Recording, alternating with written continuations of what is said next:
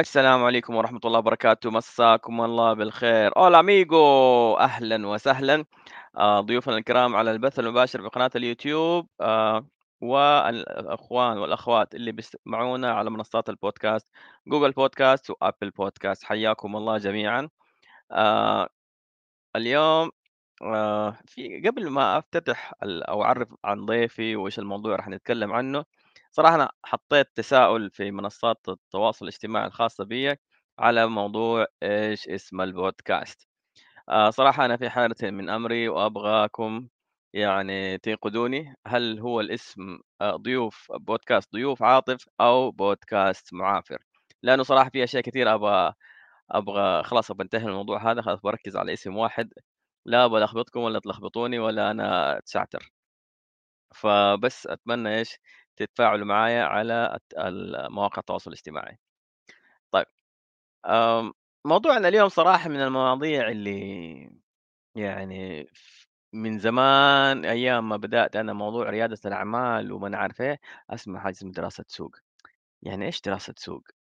واحد يقول لي يا أخي شوف ما أدري إيش، حُط هيئة الإحصاء، حُط أرقام ما أدري إيش هو الحجم السوق العام والحجم السوق المستهدف. واحد يقول روح خُد تيكت أول فاتورة ف كم راح يبيعوا، وآخر اليوم كم راح يبيعوا، وروح له وسط الأسبوع، روح weekend روح يا أبوي إيش الفيلم هذا؟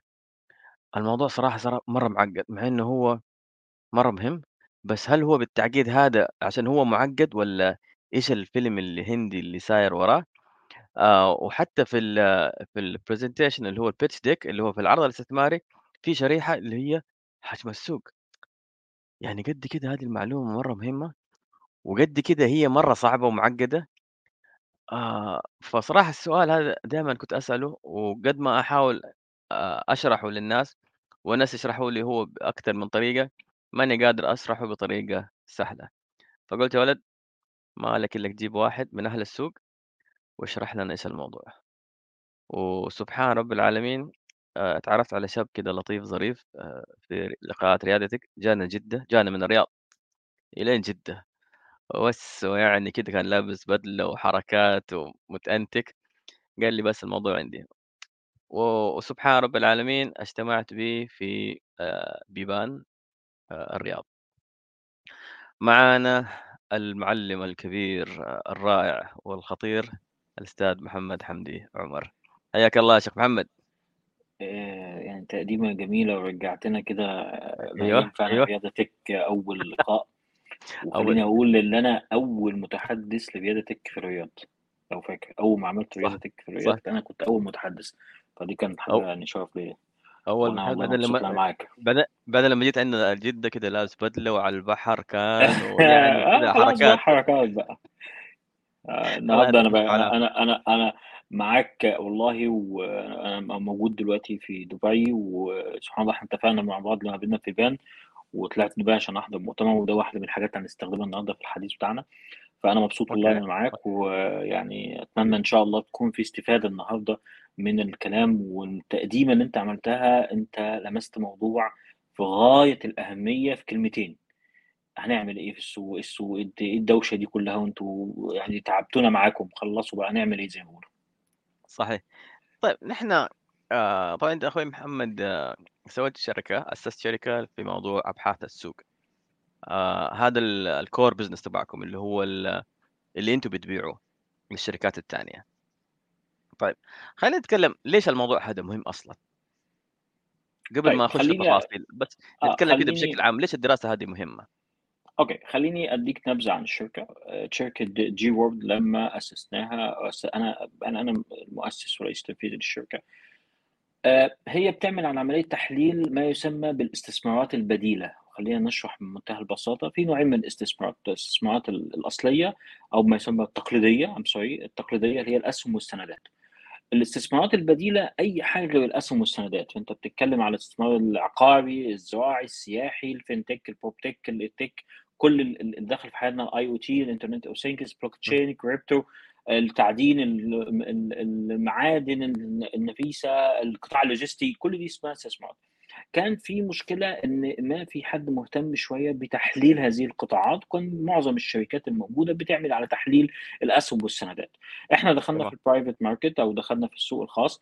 عملنا الشركة بحيث إن إحنا نقدر نحول ال big data analysis أو نعمل تحليل للبيانات الضخمة الموجودة ونحول البيانات دي إلى معلومات تساعد بقى الحكومات الأفراد رواد الأعمال الناس اللي شغالة في السمول آه، آه، أو الشركات الصغيرة والمتوسطة الشركات الكبيرة آه، رائد أعمال إن هو يعرف السوق ماشي إزاي يعرف ما يسمى بال competitive intelligence أو ما يسمى بالاستخبارات التنافسية المنافسين بيفكروا إزاي يعرف شركته. فكانت الهدف هو تحويل البيانات الضخمة إلى معلومة لتزيد المعرفة عند متخذ القرار. فكان تمام. آه، آه، ال- الحمد لله است... لقينا يعني استجابة جبنا من السوق. آه، ليه دخلنا في السوق؟ لأن في فجوة. في فجوة. كبيرة جدا وفي عدم في التباس كبير جدا عند الناس إن هو يوصل للمعلومة. لأن كمية البيانات المنتجة عاطف إحنا بنتكلم على بيانات ضخمة ملايين البيانات بتطلع كل يوم. ولكن البيانات دي غير مهيكلة. ما تقدرش تتعامل معاها لأن هي غير مهيكله في السوق عام. فلازم أدوات تخليك تقدر تتحكم في البيانات دي وتحولها إلى معلومة. وإحنا عندنا concept كده عندنا مفهوم في في جي وورد اللي إحنا بنقول كلما زادت البيانات زادت المعلومات زادت المعرفة عند متخذ القرار. في. بيانات بتطلع كل يوم. النهارده النهارده إحنا في عصر البيانات. والبيانات الآن بقت واحدة من أهم آه، آه، رأس المال اللي عند الدول واللي عند الشركات. والشركات الآن اللي عندها البيانات وتعرف تعمل تحليل البيانات لتحليل البيانات ليها هتقدر تقدر تعمل ما يسمى باستشراف المستقبل وتتوقع المستقبل النهارده إحنا مهم. بنتكلم عن الثورة الصناعية الثالثه والويب 3 وداخلين على وبنستعد للويب 4 بنتكلم على كلام كبير زي ما بيقولوا كده فخلينا نبسط النهارده وإحنا ماشيين مع الشباب نبسط المسألة وإزاي أنا أقدر كرائد أعمال أوصل للمعلومة بشكل المعلومة أوكي عشان أقدر أوصل للبيانات وأحلل البيانات لمعلومة عشان أقدر. أساعد نفسي في سوق لأن السوق التنافسية فيه عالية جدا حجم حجم السوق بيزيد في كل المجالات في كل القطاعات ولكن خلينا نسأل سؤال إيه هو هو إيه السوق؟ إيه معنى كلمة السوق أصلا؟ يعني إحنا خلينا نقول أبحاث السوق، طيب أبحاث معروفة، يعني إيه سوق أصلا؟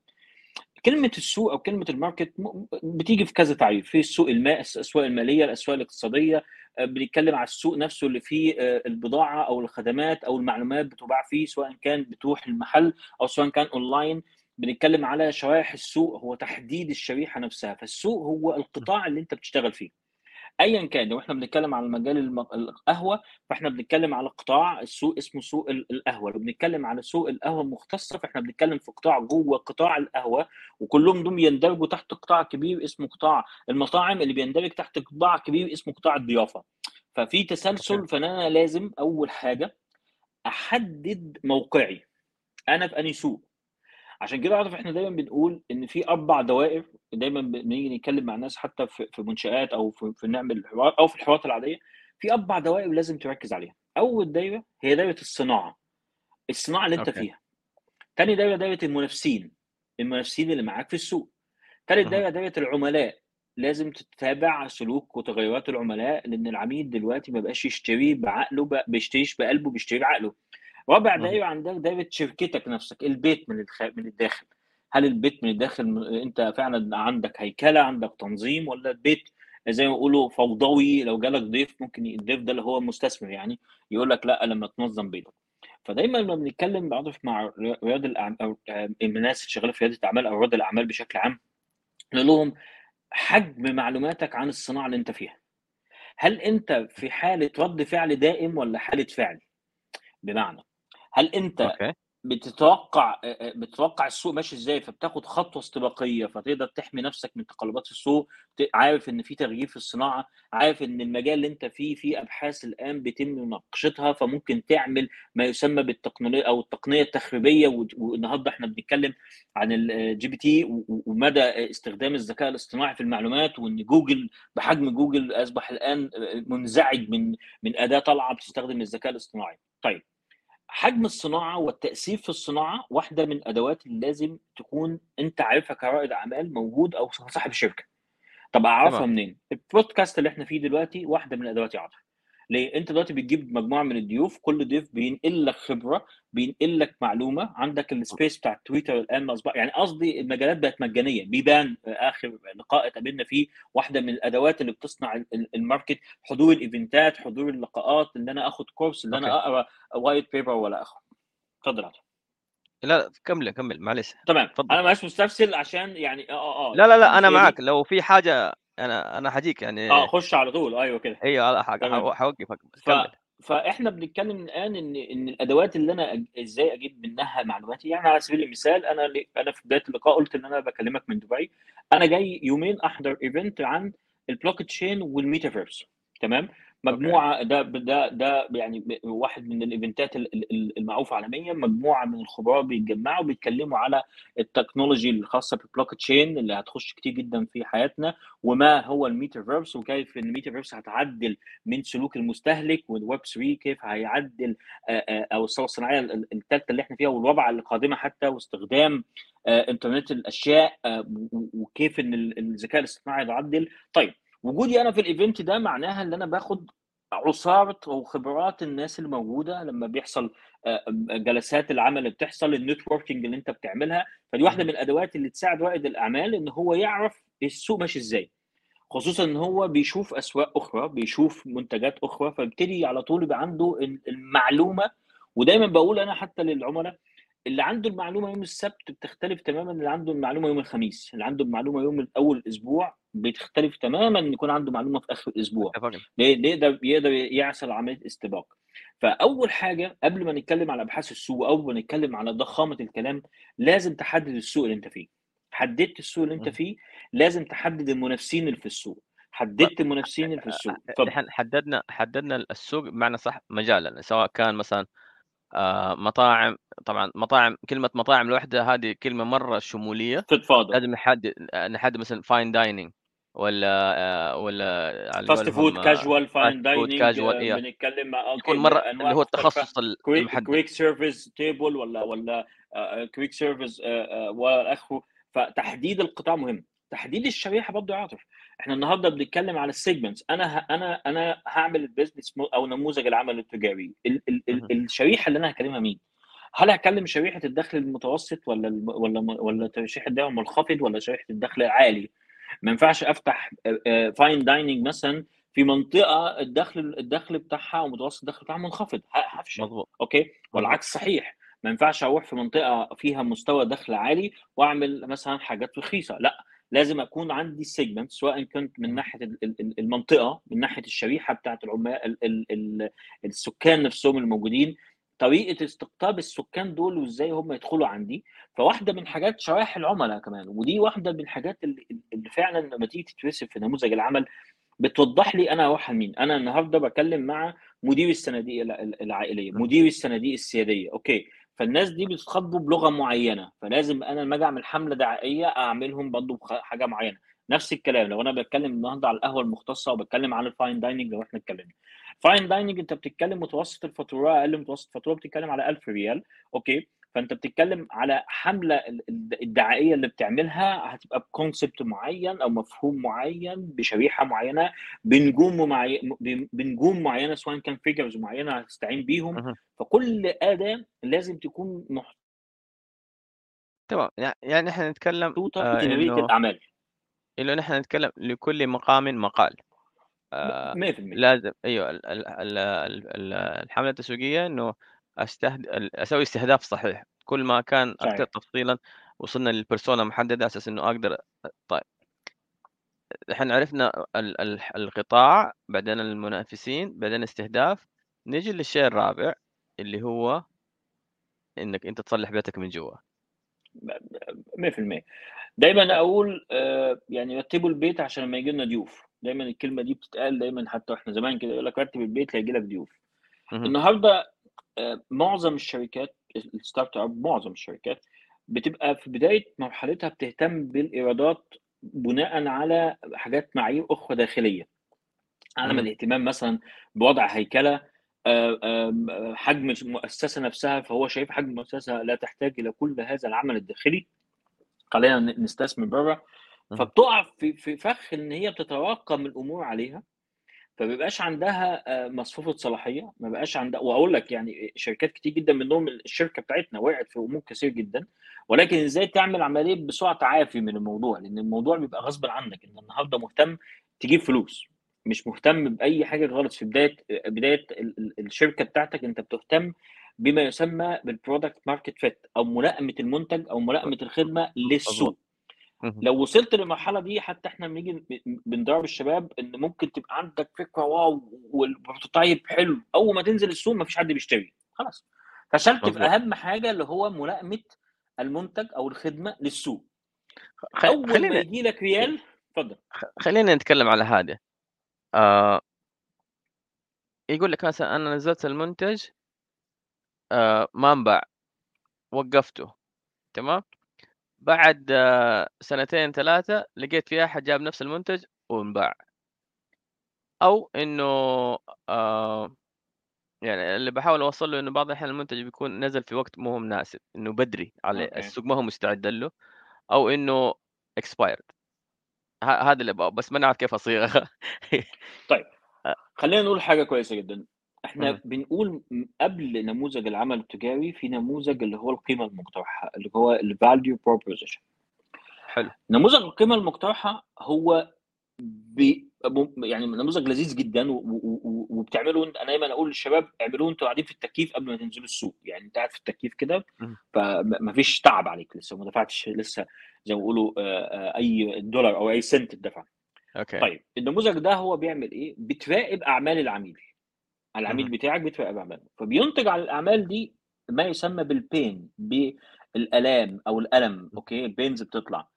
وفي حاجة اسمها الايه المكاسب اللي هو ال gains اللي مستنيها العميل على سبيل المثال. النهارده إحنا رايحين مثلا بنشوف آه، مكتب عقاري. ها ها أنا أنا عندي فكرة تطبيق عقاري دلوقتي مثلا.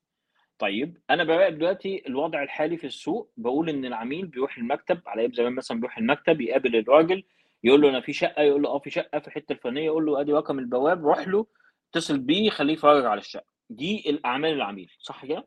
أعمال العميل دي بينتج عنها متاعب إن ساعات بيبقى ال ال ال اولا التعب اللي أنا أروح المكان ما عنديش وقت ثانيا بقعد ادور على البواب عشان يجيب لي فبيضيع لي حتى وقت كتير ومجهود. صح. في الآخر ممكن اللي أنا قلته مش عي... ما لقيتوش. طيب. صح. أنا راقبت أعمال العميل أوكي طلع الألام اللي عنده أهي.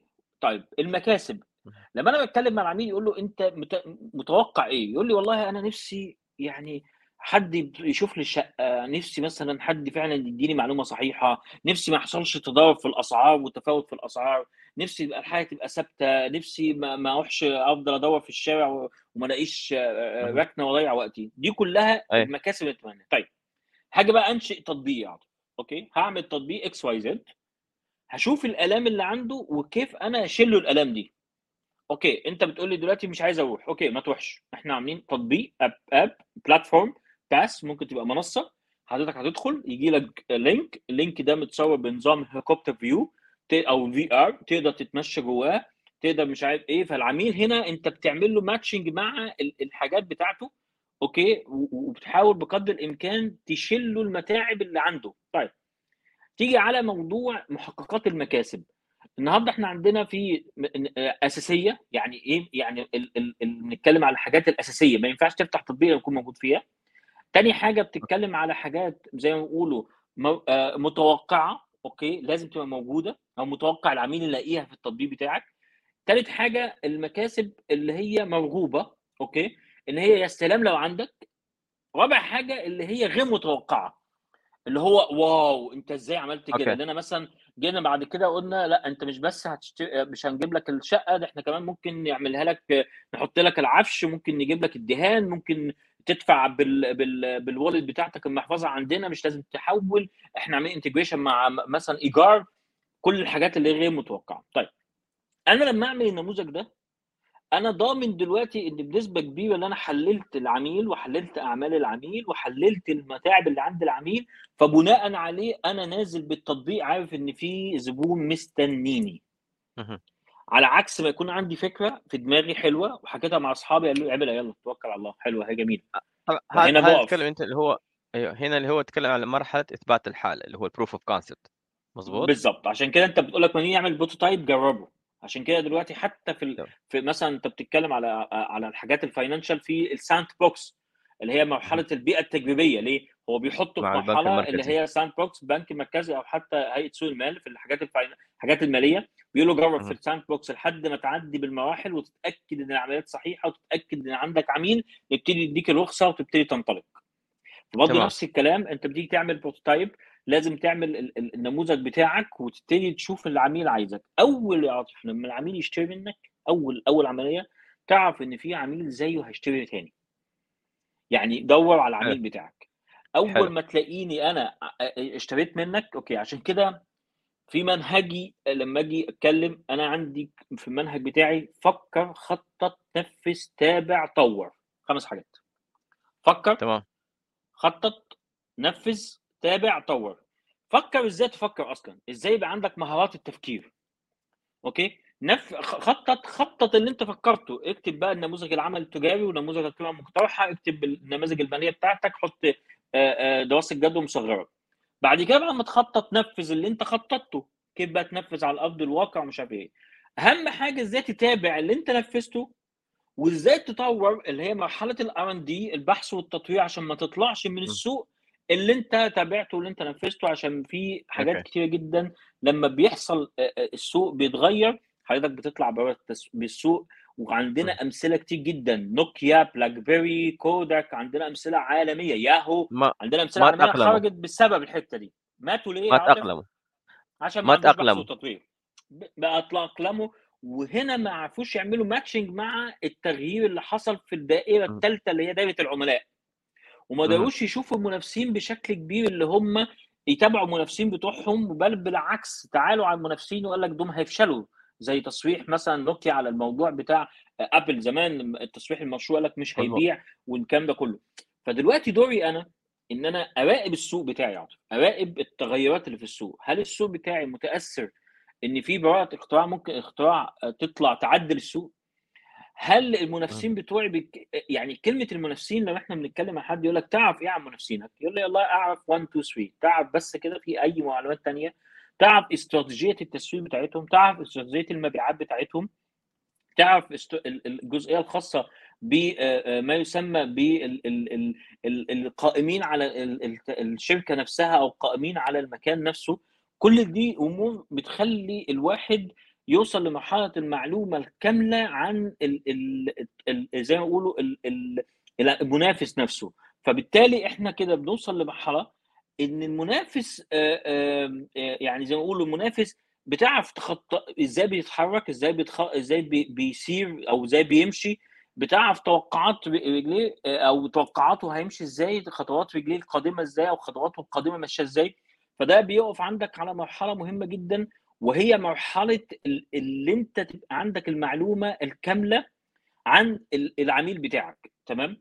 أو عن آسف المنافس بتاعك. فبتبقى عندك القوة okay؟ اللي أنت تجاري المنافس بتاعك تتوقع خطواته تقلده في حاجات.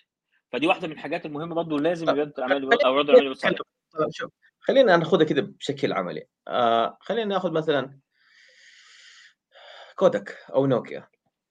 تمام؟ إيش الشيء اللي مثلا كان مس... لنفترض إن إحنا كنا في ابل حلو؟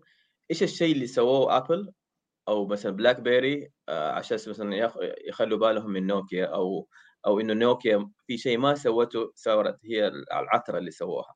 خلينا ناخذ كده شيء بسيط أساس إنه بشكل بسيط. تمام. بشكل بسيط حاجتين يعني ما تابعش المنافس بتاعه ما تابعش العميل بتاعه ما تابعش الصناعة بتاعته. يعني. الثلاث دوائر الثلاث دوائر. ما تابعش اللي بيحصل في الصناعة أوكي؟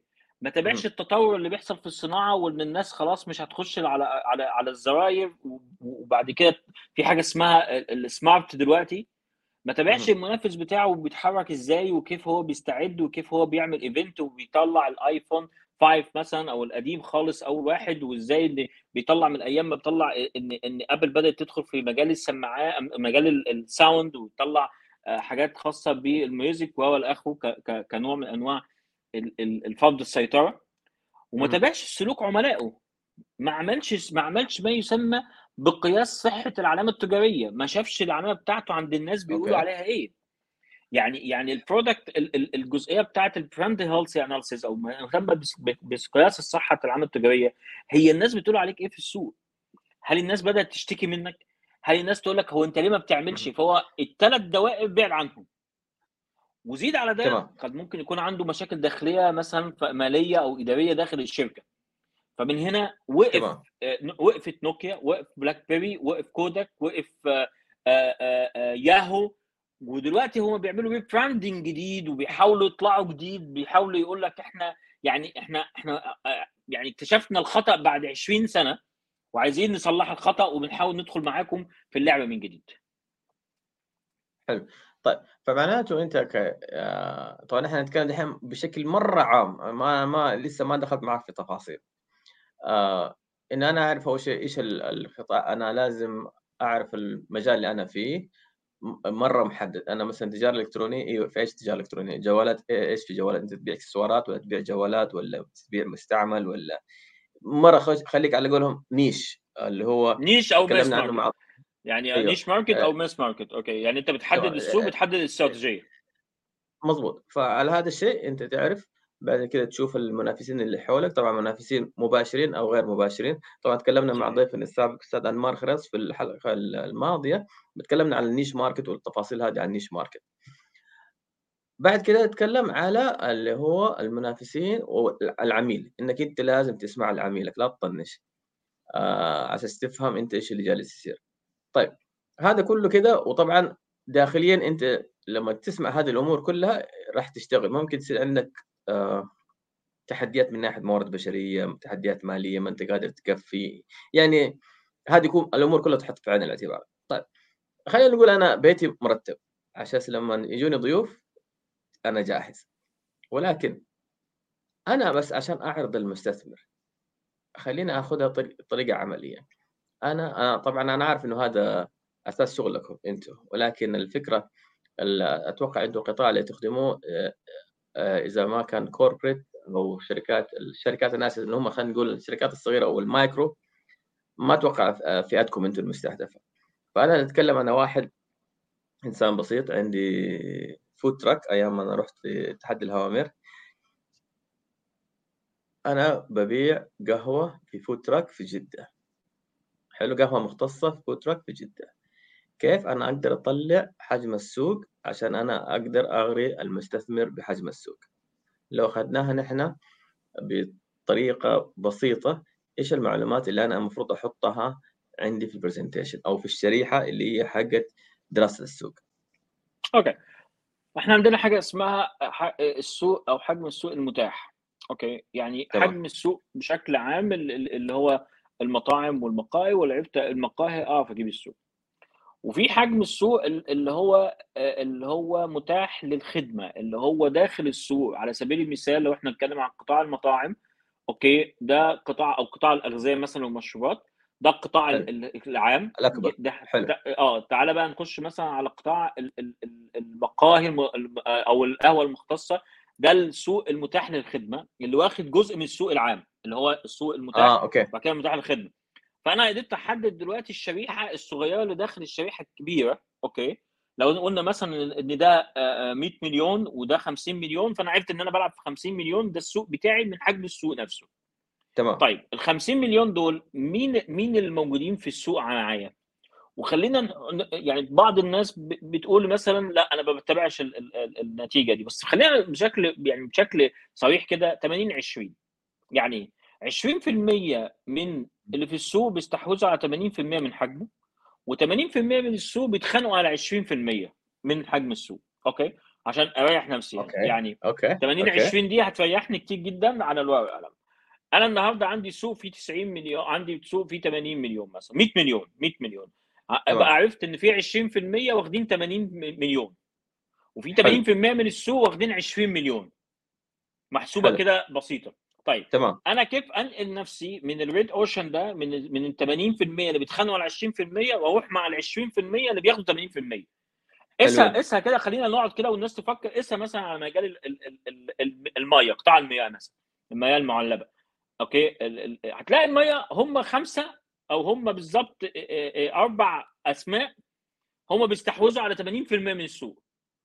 okay. وال 80% التانيين بيسعوا إن هم ياخدوا 20 من من ال 20% اللي في السوق صح؟ يعني يعني هي okay. واضحة يعني والله والله مثال واضح جدا. اسعى على قطاع المطاعم مثلا okay؟ هتلاقي برضو إن 20% هم بياخدوا 80% من ال market okay؟ و80% بيحاولوا ياخدوا أي حاجة من 20% طيب السؤال ليه؟ أو السؤال إزاي أنا أطلع من ال red ocean ده أو المحيط الأحمر اللي كله دم وكله مهم. ناس بتقطع في بعضيها وأروح مع الناس اللي قاعدين في ال blue ocean وأعيش حياتي كده آه، مع اللي بياخدوا 80% هنا okay. مجموعة من الأدوات مجموعة من الاستراتيجيات على على المدى البعيد على ال short term وال long term على المدى القصير والمدى البعيد ومحتاجة نفس طويل ومحتاجة إن أنت تبقى على طول محدث نفسك وعلى طول فاهم المعلومات وعلى طول بتسمع لعميلك وعلى طول فاهم الصناعة وعلى طول شايف. المنافسين وثم بعد كده العملية أنا عارف إن هي بعض الناس تقول لك طب ما لو معايا فلوس أعمل اللي أنا عايز أعمله. لأ. شركات كبيرة كان معاها فلوس وخسرت. شركات صح. كبيرة بنسمع النهارده القوائم المالية بتاعتها في مجال المطاعم مثلا خسرانة بنسبة 97% ففي أمور ما بقاش based on أو ما بقاش ال- الموضوع وا- واقف على الفلوس. لأ هو واقف على إدارتك للمشروع. عشان كده إلجأ دايما للمستشار. ارجع دا- خصوصا أنا بتكلم على شريحة ريادة الأعمال. وال ecosystem أو أو ما يسمى بالنظام البيئي أو ال entrepreneurship ecosystem في السعودية مدعم بطريقة كبيرة جدا وخلينا نقول الكلام ده بشكل صريح النهارده النظام البيئي أو ما يسمى بالنظام البيئي رياده الأعمال هتلاقي في. مجال الدعم عندك منشآت عندك مركز دلني عندك المبادرات زي رياده تك عندك الموضوع زي مثلا لما بتدخل النهارده على تطبيقات زي مونترني آه، مونتري ولا ولا تطبيقات اللي بتقدم آه، آه، آه، اللي هو الحديث عن طريق ال ال ال ال ال يعني ال chatting أو تخش مع مع مستشار for free okay أنت النهارده لو خدت بعضك ورحت مركز دلني للاعمال هتقعد مع مستشار يحط لك الخطة ويساعدك ويدمع for free يعني يعني إحنا نستغل الأدوات الموجودة مش لازم كل حاجة أجيب شركة عشان أنا أصلا ال budget ما يسمحش. يعني ما. أروح مثلا نوافذ مثلا تبع منشآت أو أروح مثلا آه، أخش أحجز مع مستشار وأقعد أتكلم معاه. هنا العملية أنت بتوصل لنقطة بتشيل cost كبير جدا هو cost الاستشارة. يعني أنت لو جيت تقول لي هعمل إيه؟ هعمل 1 2 3 5 طيب نرجع للسؤال. أنا إزاي أكون موجود في ال blue ocean؟ إزاي أكون في المحيط الازرق ده؟ أول حاجة اللي هو ما في منافسين اللي هو اللي هم ال 20 اللي بياخدوا 80 اللي هم ال- ال- الناس ال- منافسة. اللي- الهوامير المنافسة ضعيفه بالظبط. السوق دلوقتي إحنا إحنا أنت سألت سؤال هو أنا لما أجي أشوف حجم السوق أنا النهارده طلعنا سوق المقاهي okay؟ عندي بيانات بتطلع من البنك المركزي بشكل أسبوعي على ال point of sales على نقاط البيع ومقسمه لقطاع المقاهي مطاعم والمقاهي. فأنا أقدر أقيس ال ال ال ال ال الزيادة اللي بتحصل. إحنا بنتكلم النهارده في أول شهر كنا عندنا حوالي ما يقرب من okay. مليار آه، آه، ريال اتصرفوا آه، لحد شهر اثنين شهر اثنين في مليار أكثر من مليار ريال اتصرف على القطاع. أنا آسف 6 مليار ريال اتصرف على القطاع. بنتكلم إن إحنا مقفلين 64 مليار في آه، 2022 إن شاء الله تكون الأرقام بتخ- 22 في قطاع المطاعم. وصلنا لحوالي حاجة و70 مليار ريال سعودي. point of sales بس نقاط بيع في قطاع المطاعم والمقاهي. فأنا عندي دلوقتي قياسات. أنا أشوف القطاع رايح فين. وجاي منين. بعض الناس بتطلع تقول لك طب في شركات بتقفل أو في مطاعم بتقفل. شيء طبيعي. شيء طبيعي إن إن إن في up down هيحصل وفي بس تعالى نشوف ليه بيقفلوا. هتلاقي مشاكل في التشغيل مشاكل في مثلا داخلية ما عرفش يتابع آه، العميل ما عرفش آه، ما عرفش يدرب الناس بتوعه صرف زيادة آه، اهتم بالمؤثرين وساب أو اهتم بالمشهورين مظبوط. وساب المؤثرين في عمليات كتير. انت النهارده سألت سؤال بتاع مثلا أنا إزاي أعرف حجم السوق؟ حجم السوق متاح أقدر أطلعه ببيانات وأقدر النهارده بال... بال... بال... وأنا قاعد دلوقتي معاك أفتح الموبايل أخش على الذكاء الاصطناعي في الأدوات دلوقتي أكتب حجم السوق يجيب لي حجم السوق. يعني الموضوع بقى أسهل آه okay. إن أنت توصل okay, okay. لل- للرقم. صعوبة اللي أنت تحول البيان بقى لمعلومة دي اللي أنت هتحتاج تشتغل عليها. يا إما تروح للمستشار okay تقول له أنا النهارده عندي حجم سوق بيقول إن أنا في 100 مليار okay. ال 100 مليار دول. كيف أنا أقدر أتعامل معاهم؟ كيف أنا أقدر أطلع ال segments بتوعي؟ أفضل أكتب نموذج قيمه مقترحة أطلع نموذج العمل التجاري؟ وخليني أسألك سؤال. يعني أنا ما أعرفش أنت بتقول هنا يعني براندات ولا لأ بس يعني يعني خلينا لا لا يعني- عادي عادي عادي. okay. خلينا نشوف مثلا ستاربكس ستاربكس واحد من البراندات الموجودة في السوق. ستاربكس ستاربكس دلوقتي أنت بيبيع إيه يا عاطف؟ يعني ستاربكس معروف الناس بتبيع إيه؟ قهوة. okay آه طيب ها. آه، فرابتشينو أيوه. من okay حلو. انت لو آه. لاحظت ال...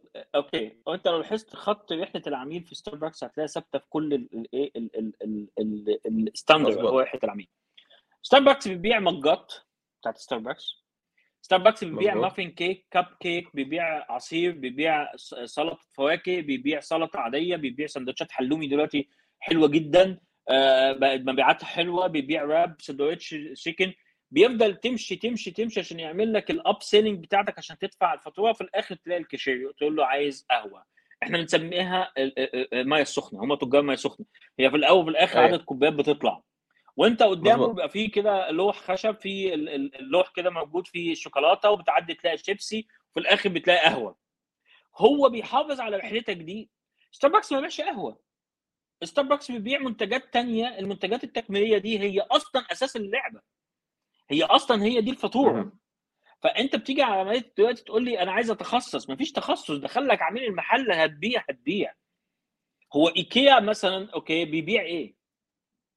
بيبيع أثاث. طب أكتر عمليات عنده بتتم النهارده في المطعم وفي المنتجات الدنمارك والناس بقى بتقابل عنده هناك وتقعد تاكل وبتشرب وما بتلفش وبتخرج.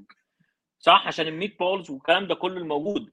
فأصبح ال concept ويجيك- دلوقتي. ما فيش الكلام ده. يعني يعني جرير على سبيل المثال ما بيبيعش كتب. النهارده بيبيع آه، آه، آه، جهاز الماكينة بتاع النسبريسو ال- ال- الكبسول. ليه؟ هو بيقول لك طالما دخل لك العميل بيع له. اديله فوق. غير متوقع. يعني انت بتخيل غير متوقع إن أنا أخش جرير مثلا ألاقي ماكينة النسبريسو هشتريها من جرير.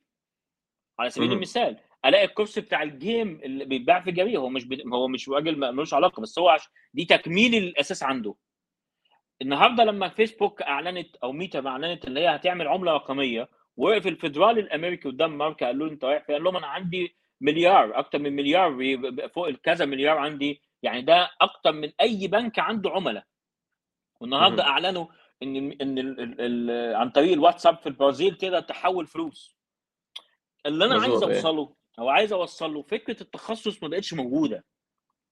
فكرة إن أنا أتخصص في حاجة ما بقتش موجودة بالمفهوم اللي إحنا القديم قوي اللي أنا أتخصص في حاجة. النهارده القهوة آه، شوف، المختصه أبو ما حميد، دقيقة. مختصة. إيه لا لا شوف. يعني أتفق وأختلف معك تمام؟ أوكي. لما على واحد دوبه بادئ برأس مال مرة بسيط وزي كذا أتخصص الين على قولهم fake it you make it يعني تمسكن كده لغاية ما تتمكن. مظبوط؟ فتبدأ بالتخصص لين تفهم السوق لأنه بحكم بحكم انت عارف في في في, مش في مركز الدعم دلني لما يجوك الناس خاصة أصحاب الأفكار أو اللي دوبه بادئ لما تفتح الباب عليه على الآخر يضيع. فأقول له أسمع أمسك الخط هذا وخلاص خليه كذا إلين ربي ييسرها واحدة واحدة أتدرج إلين تبيع كل حاجة. تصير زي أمازون. تمام؟ آه، أمازون كانت تبيع كتب دحين صارت تبيع كل شيء. آه، جرير زي ما تفضلت تبيع كتب آه، صارت تبيع أي شيء له علاقة بالمستلزمات المكتبية وأشياء الشخصية وأشياء مرة كثير. آه، وإلى آخره. بس تتكلم على الناس اللي دوبهم بادئين. ما أنا أنا صراحة من أنا من عشاق التخصص. طبعا عشان كذا يمكن شوية رايح لهم بس إنه انت حتوصل لمرحلة زي ما تفضلت ما دام جاك زبون جاك لأنه واثق في المنتج حقك واثق في الخدمات اللي, اللي أنت تسويها واثق في جودة المحتوى اللي انت تقدمه فخلاص ما دام جاك على جاهز بيع طيب مظبوط أنا هذا اللي اوصل له ال- ال- المنتجات التكميلية مش مش يعني مش لازم تحط كل المنتجات التكميلية ولكن أنا أقصد أنا لو جيت لك دلوقتي في ال food truck ما أنت بتبيع مية طب أنت إيه علاقتك بالمية؟ آه، بس أنت أوكي. يعني أنت. ال concept عارف إن أنا جاي إن ده قصاد ده إحنا مش بنلاقي مش بنلاقي دلوقتي في المحلات بيحطوا مثلا آه، آه، الشوفان بيلفوه مثلا مع مع حاجة تانية كده أيوه بيحطوا مش عارف أيوة. إيه ليه أوكي، هو أوكي. بيعملوا منتجات تكميلية طب أنت بتبيع مية ليه؟ حلو أوكي. فأنت ليه بتبيع- أوكي ليه بتبيع مثلاً- إنه آه.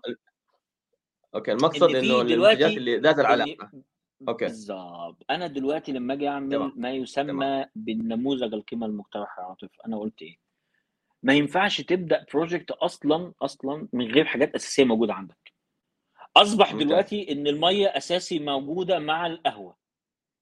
أصبح الموهيتو موجود دلوقتي لازم تتعمل موهيتو مع القهوة. فأنت آه، يعني يعني أنت بقى بسم الله الرحمن الرحيم في ريسبي بتتكتب أول حاجة ما ينفعش تبيع قهوة لوحدها أصبح الآن الدوناتس ال- ال- الزعتر بالشوكولاتة محشية من جوه بقى الهبة لازم ده خلاص بقى الناس بتحب مثلا. فأقصد إن إن. إن أنت في مراحل أنت لازم خلاص إن إحنا قلنا في أعمال لما اتكلمنا على دلوقتي نموذج القيمه المقترحه عاطف قلنا إيه؟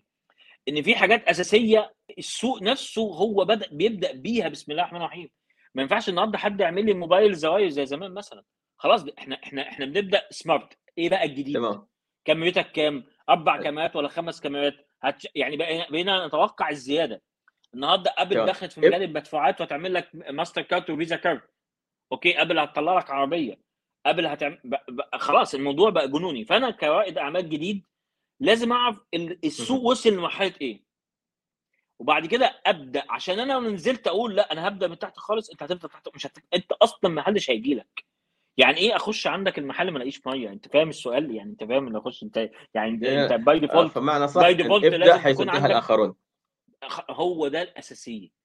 السوق عمال يغير. نفسه. عشان تمام. كده إحنا قلنا إن جمود النموذج العمل التجاري يؤدي إلى هلاك الشركة.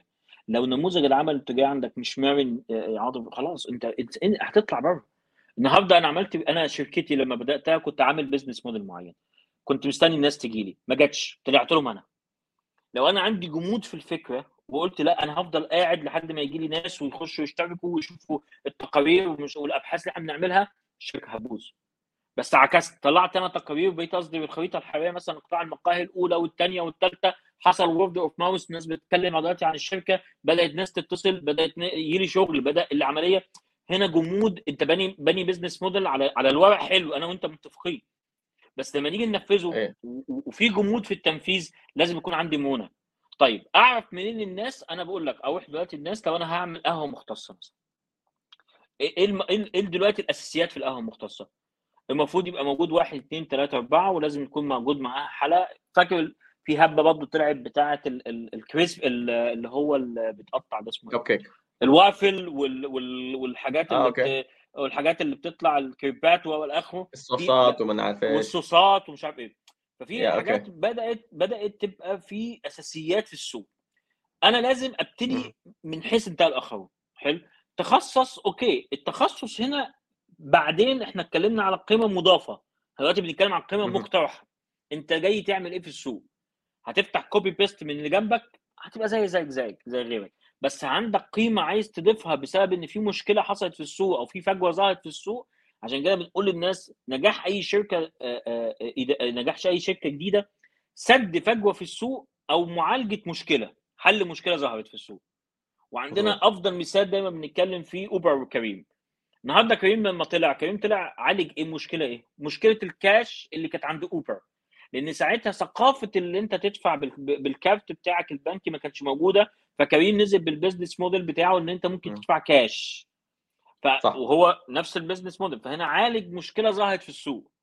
أو بتسد فجوة موجودة في السوق ظهرت بحكم إن الناس وأنشطة الناس وال- وال- واللي إحنا قاعدين فيه فيه زي ما بيقولوا حركة جديدة في السوق فظهرت فجوة فأنت بت- بتسدها. هرجع أقول لك تاني عاطف الموضوع إن أنت محتاج نركز عشان الناس ما بس يعني يبقى معانا في الصورة. الصناعة لازم تشع- تعرف السوق بتاعك كويس جدا جدا جدا. تعرف أرقام السوق وعندك النهارده السعودية من ضمن أفضل الدول في البيانات المفتوحة. النهارده منصة البيانات المفتوحة لازم تبقى هي ال ال زي ما بيقولوا الأب الروحي ليك. تدخل تنزل بيانات تدخل تحلل البيانات تدخل تشوف ال الكلام الموجود. عندك منصة البنك المركزي عندك هيئة طبعا الإحصاء بتطلع إحصائيات وبيانات. فأصبح الوصول للمعلومة وأنت قاعد في التكييف سهل أنت توصل لها. وسهل ان. انت تو- توصل تقعد مع مستشار تروح أي مركز من المراكز ال- ال- ال- الح- الحكومية الموجودة تسأله. عندي واحد اثنين أربعة. تابع منافسينك. وتابع سلوك المستهلكين ورتب بيتك من الداخل يا أستاذ عاطف. تمام. طيب هذا الحين إحنا تكلمنا آه كلام مرة جميل وكلام مرة كثير ما شاء الله تبارك الله الله يعطيك العافية. ولكن دحين أنا أرجع طيب هذه الأمور دحين أنا لقيتها و... وتعلمت من فين أجيب المعلومات و... وإيش المصادر هيئة الإحصاء وحتى هيئة منشآت حتى الهيئات نفسها الثانية اللي قطعت زي هيئة الاتصالات أو هيئة الترفيه يسووا آه، خلينا نقول انفوجرافيك كل فترة وفترة. تمام؟ آه ولكن السؤال أرجع هذه الأمور أنا لو حطيتها في الشريحة حق ال pitch deck اللي هو في حجم السوق للعرض الاستثماري قد إيش هي مهمة للمستثمر؟ أوكي. أنا كنت عملت محاضرة قبل كده اسمها 100 سؤال يسأل عنهم المستثمر لل اللي هم في في الملف الاستثماري. تمام. شوف الملف الاستثماري المبسط خالص أنت بتحكي أول حاجة خالص عن المشكلة الموجودة في السوق. okay؟ يعني تمام. إحنا دايما بنتكلم اللي هو فكرة ال pitch deck إيه؟ اللي أنت فكرته اللي أنت تركب أسانسير مع مستثمر ومعاك 60 دقيقة 60 ثانية. تتكلم معاه تشرح له ميد لبس كده تقول له شركتي واحد كان في كذا مشكلة كذا كذا كذا كذا وحلها كذا كذا وأنا عملت كذا كذا. في, في, في الأسانسير ده. فأنت بتتكلم عن مشكلة بالظبط 60 ثانية. بتتكلم عن مشكلة okay وبتتكلم المشكلة دي حجمها إيه في السوق؟ وبتتكلم الحلول بتتكلم على حجم السوق بتتكلم على ال portfolio بتاعك أو أنت الحل اللي أنت وجدته بتتكلم عن ال team اللي معاك وبتتكلم ال ال أنت متوقع يحصل إيه أو ال forecast أو أو ال revenues أو أو I'm sorry اللي هي الايرادات وال revenue بشكل عام في ال business model. النهارده أنت شايف المشكلة المشكلة دي هي نموذج القيمه المقترحه إحنا لسه عاملينه من شوية. تمام. طلعت تمام. المشكلة؟ okay. أنا بكتب المشكلة دلوقتي إن في مشكلة في السوق إن مثلا على سبيل المثال إن آه، في شريحة معينة موجودة في السوق ما عندهاش الخدمات الفلانية ودي واحدة من الخدمات الأساسية عندهم. okay؟ طيب حجم السوق هنا قد إيه؟ عندي عدد الناس الموجودة دي مثلا موجودين مثلا 5 مليون. okay؟ فبقيت أتكلم على منطقة تحددها تحددها بمنطقة جغرافية أساس إنه تكون أوضح. بحدد مثلا منطقة الرياض موجود فيها البيانات بتقول إن موجود فيها مثلا آه، آه، على سبيل المثال موجود فيها كذا حد بيعاني من المشكلة الصحية دي مثلا. لو قلنا هنعمل تطبيق صحي okay؟ أو هنعمل okay. آه، آه، حاجات مثلا كمنتج بشكل عام. النهارده أنت أنت عمال تحدد حددت المشكلة حددت الشريحة بتاعتك وطلعت المنتج اللي هيحل المشكلة. تمام. اتكلمت عن السوق العام اللي هو العالمي اتكلمت عن السوق السعودي اتكلمت عن ال area الفاضية أو السوق المتاح للخدمة. السوق ده اللي أنا عندي ده ان أنا أقدر أخش فيه سوقي فيه كذا مقدم بكذا. وأنا هاخد نسبة النسبة الأولى مثلا هاخد حوالي 5% من السوق 10 حسب الحسبة بتاعتي أوكي؟ على حسب برضه أنا منتجات وفي الآخر أسك أنا بطلب كذا عشان أصرف أوديهم مثلا في تطوير المنتج في التعيين في التسويق وإلى آخره. فكده أنا ببني زي ما اللي هو الملف المستثمر. السؤال هل أنا محتاج مستثمر ولا لأ؟ يعني هل أنا في بداية شغلي اللي أنا أنا أنا في أنهي مرحلة ما قبل البيزر بري سيد سيد والى اخره هل أنا فعلا محتاج حلو. مستثمر ولا لأ؟ هو ده السؤال اللي أسأله. تاني حاجة صح. هو أنا أعمل إيه بالفلوس؟ صح. يعني هي هي مش لازم أكون محتاج مستثمر، أنا ممكن أكون بالموارد بتاعتي قادر أوصل لمرحله اللي أنا أعمل الجزئية الأولانية.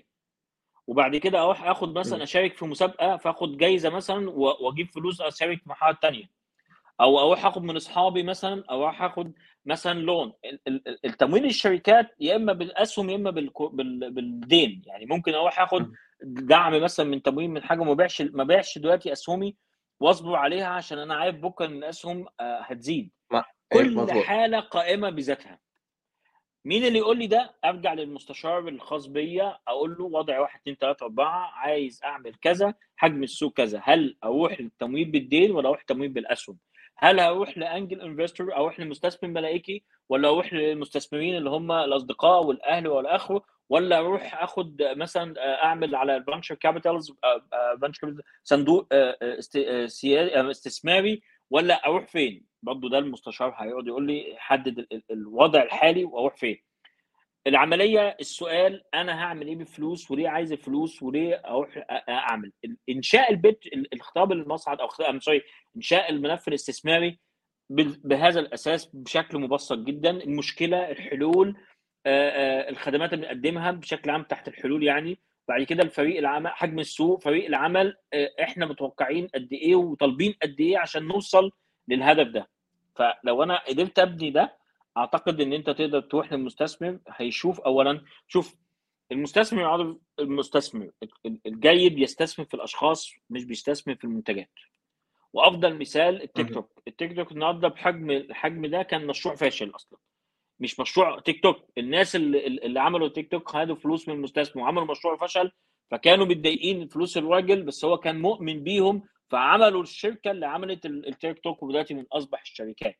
يعني استثمار في الأشخاص مهم جدا. عشان كده لما تيجي تدور على مستثمر دور على مستثمر يستثمر في عقليتك دور على مستثمر يستثمر في صبرك وشغفك وفهمك. ما تدورش على مستثمر يديك فلوس يقول لك بعد شهر فين الفلوس. فبرضه عملية البحث عن المستثمرين مزبوط. محتاجة يعني يعني محتاجة لاين كبير قوي والبحث عن عن عن مش المستثمرين بس والبحث كمان عن الشركاء ده برضه محتاج جلسة كبيرة جدا عشان برضه إن فشل بعض الشركات بتفشل بسبب الشريك بتفشل المستثمر وللأسف بتلاقي أحلام بتموت في البداية بسبب إن بس ما كتبش في العقد التأسيس أو في الوثيقة مين اللي يدير فقط لا غير يعني. ما, ما وضحتهاش دي يعني زي ما بيقولوا. فتلاقي شركات كتير out of market بسبب الموضوع ده. تمام هاي طبعا امور إحنا تفاصيل كثيرة عشان كذا قلت لك أنا بحاول آه ما ندخل بس إنه موضوع الشراكات موضوع هل أنت تحتاج تمويل أو استثمار؟ يفرق. آه هل أنت تحتاج المستثمر عشان فلوسه علاقاته ولا بس فلوسه؟ يعني في أشياء كثيرة بس إحنا خلينا نتكلم أنا بس اتطرقت للموضوع هذا على أساس إنه موضوع إنه جزء مهم من آه، دراسة السوق أو شريحة دراسة السوق اللي بتنحط في ملف العرض على الاستثمار إنه ليش نحن نحطها؟ هل هي تكون فاتحة لشهية المستثمر إنه يخش على أساس إنه يعطيني معلومات آه، مغرية؟ أو أو إنه بس مجرد paper work أنت تسويه والسلام. تمام؟ صحيح. طيب آه خلينا نتكلم دحين. طيب أنا سويت دراسة سوق أبغى أتعلم. أنا بعرف مين في السوق قد إيش. أنا قد إيش استحوذت على الحصة آه من السوق آه منافسين جالسين يسووا طيب إيش في تحديات أو خلينا نقول أخطاء من وجهة نظرك أنت آه بيسووها رواد الأعمال آه في موضوع دراستهم للسوق؟ عدم الاهتمام بالدراسة نفسها. أول خطأ بيعمله هو بيقول لك مش فارق معايا الدراسة المهم إن في فلوس داخلة المهم إن أنا يعني يعني تقعد مع بعض الناس تقول لك أنا مش مش فارق معايا الدراسة أرقام. ودي واحدة من الأخطاء للأسف الشديد بيفوق ليها ال ال ال يعني صاحب الشركة أو رائد الأعمال بعد ما يحصل الكوارث الخطأ الثاني الاعتماد على على الرقم وليس تحليل الرقم. يعني أنت ممكن توصل يعني؟ لرقم بس ما تعرفش تحلله. يعني مثلا توصل إن إن أنا أنا مثلا شايف إن المنافس بتاعي بياخد نسبة 50% من السوق. وأقف على هنا. طب الخطوة اللي بعديها مش مش بس يعني هو سياسة أمر الواقع هو بياخد 50% وهيفضل ياخد 50% لأ. لازم أحلل هو ليه وصل لياخد 50% لازم أبتدي أحلل بقى اللي إحنا بنقول المنافسين فواحده من الأخطاء اللي أنا أوصل للرقم وما أعرفش أعمل إيه بعد الوصول للرقم okay؟ الحاجة الثانية ان أنا أوصل لرقم خطأ وأبني عليه الدراسة وأبني عليه القرار الاستثماري بسبب ان أنا ما عرفتش أعمل معالجة للبيانات صحيحة أو ما عملتش أو زي ما بيقولوا ما بنتش ال form ة بتاعة ال Excel sheet حتى اللي أنا بعمل عليها ما اتبنتش صح. فاتحطت على أساسها اللي أنا بتكلم مثلا على دراسة السوق مثلا المتاح رحت حاطه في دراسة السوق المقابل أو القابل للخدمة. فهنا حصل فجوة كبيرة جدا.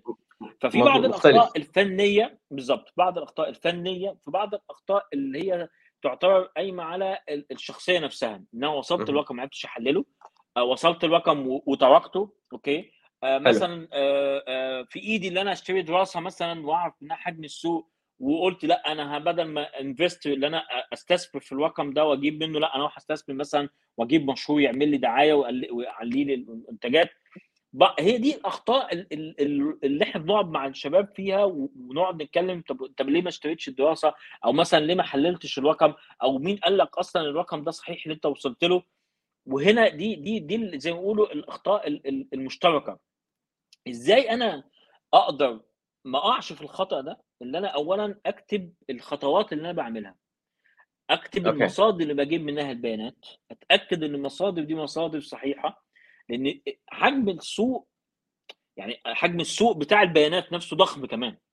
وفي لاعبين لاعبين خارج وفي لاعبين من داخل. وتلاقي مثلا ال reference مثلا موقع website آه، مجهول هو حط الرقم وخلاص. وعلى فكرة يعني إحنا إحنا قريب هنطلع حتى يعني تقرير ليه يعني مش عايز أقول بنرد على تقرير ليه علاقة برياده الأعمال ولكن فعلا في أخطاء في عملية الأرقام بشكل يعني يعني أنت ممكن تطلع ممكن تطلع تقرير تاخدك في حتة ثانية خالص. والله يعني تنقل لك السوق في حتة ثانية خالص. يعني عايز أقول لك يعني من ضمن الأخطاء أنا فاكر كويس جدا إن أنت أنت تعرف إن إن البليون هو المليار. ال B هي المليار في الم... في مظبوط. البليون البليون, البليون يس عملها البليون حتى لا ما حطهاش مليار حطها بليون. وقام الدراسة آه على هذا الأساس يعني بقى الترجمة بتاعته بس طلعت خطأ. بدل ما يعملها بدل ما يعملها مليار عملها ب... ب... ب... يعني رقم بص في حتة خالص. okay؟ وفي واحد كتب بدل ما ينقلها مليون نقلها بليون أو مليار. فبرضه الارقام يعني يعني في أخطاء. تكنيكال اللي أنت بس مش عارف تاخد الرقم أو مش عارف تطلع الرقم وفي أخطاء في عملية معالجة الرقم نفسه وفي أخطاء في عملية أصلا أنت مش مهتم بالأرقام ومش مهتم بالإحصائيات والبيانات فأنت مش متابع السوق ودايما بعيد. عن السوق. فالثلاث حاجات إيه عشان أقدر أتجنبها لازم أتأكد من المصادر لازم ألجأ لجهة خارجية تشوف لي ال form ة اللي أنا عاملها أو أو ال framework اللي أنا عامله ده تقييمه في, في التقييم ك evaluation صحيح ولا لأ؟ كان بعمل تقييم ليها صحيح مبني على على أسس مثلا مالية لو أنا بتكلم على اللي أنا بطلع حجم السوق. نفس الكلام إزاي أحلل الداخلية؟ لما أجي أتكلم على ال break even بتاعي لازم أعرف ال break even بتاعي صحيح ولا لأ؟ لازم أعرف معدل الاستثمار اللي أنا حاطه صح ولا لأ اللي هو نقطة نقطة نقطة, نقطة تعادل اللي أنت ولا كسبان ولا خسران. ففي أمور أنت سهل جدا تجمع المكونات دي وتطلع تقعد مع مستشار مالي. okay؟ تقول له أنا عندي واحد اثنين ثلاثة أربعة. ظبط لي الأمور عشان أقدر بكره أحط الارقام اللي واصله لي أو اجيبها من السوق واقدر بقدر الامكان أقدر اتابع السوق ماشي إزاي. في نفس الوقت بقى الناس اللي مش مهتمة بالسوق okay انت مش مهتم بالسوق السوق مش هيهتم بيك. يعني الموضوع الموضوع معادلة بسيطة جدا. انت مش مهتم تعرف المنافسين بيتحركوا إزاي خلاص هتلاقي نفسك دايما في مرحلة رد الفعل. ودي مشكلة اعتقد إن إن معظم الموجودين في السوق في مرحلة رد الفعل. ال key players أو اللاعبين الرئيسيين بياخدوا قرار وكله يتأثر. مفيش حد مفيش حد في مرحلة إن أنا أشارك في الفعل أو حتى آخد أنا آخد أنا الاكشن وآخد أنا الفعل. معظم الناس الموجودة في السوق بتاخد في مرحلة رد الفعل. ما بقاش موضوع الفعل هو ياخد الفعل. طب أنا إزاي آخد الفعل؟ هنا بس نشرحها إيش يعني قصدك بالفعل إيش يعني رد الفعل. طيب. يعني على سبيل المثال اللي هو مثلا إحنا نتكلم على market leader اللي هو مثلا واحد قائد السوق مثلا في عالم المطاعم اللي هو ال fast food مثلا ماكدونالدز. هو يعتبر يعني إنه leader في القطاع هذا. إذا سوى حاجة ماكدونالدز الكل يسوي زيه على أساس إنه في النهاية هو قائد السوق. فهذه برضه من متابعة المنافسين. معلش أنا قطعتك بس عشان لأنه هذه لا لا صحيح.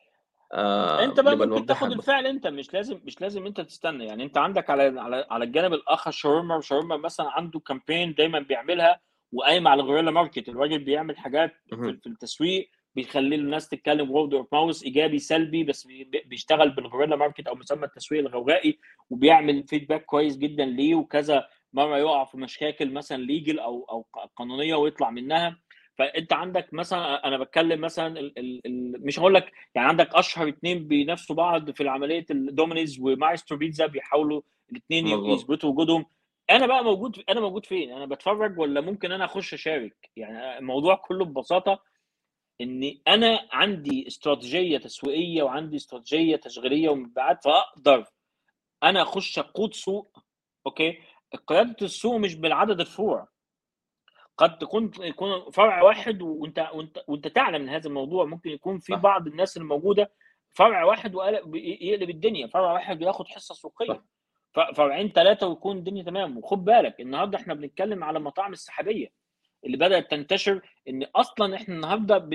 يعني أنا قريب جدا رحت مطعم. أنا كنت الوحيد اللي باكل في في الصالة والباقيين كله آه، تطبيقات توصيل.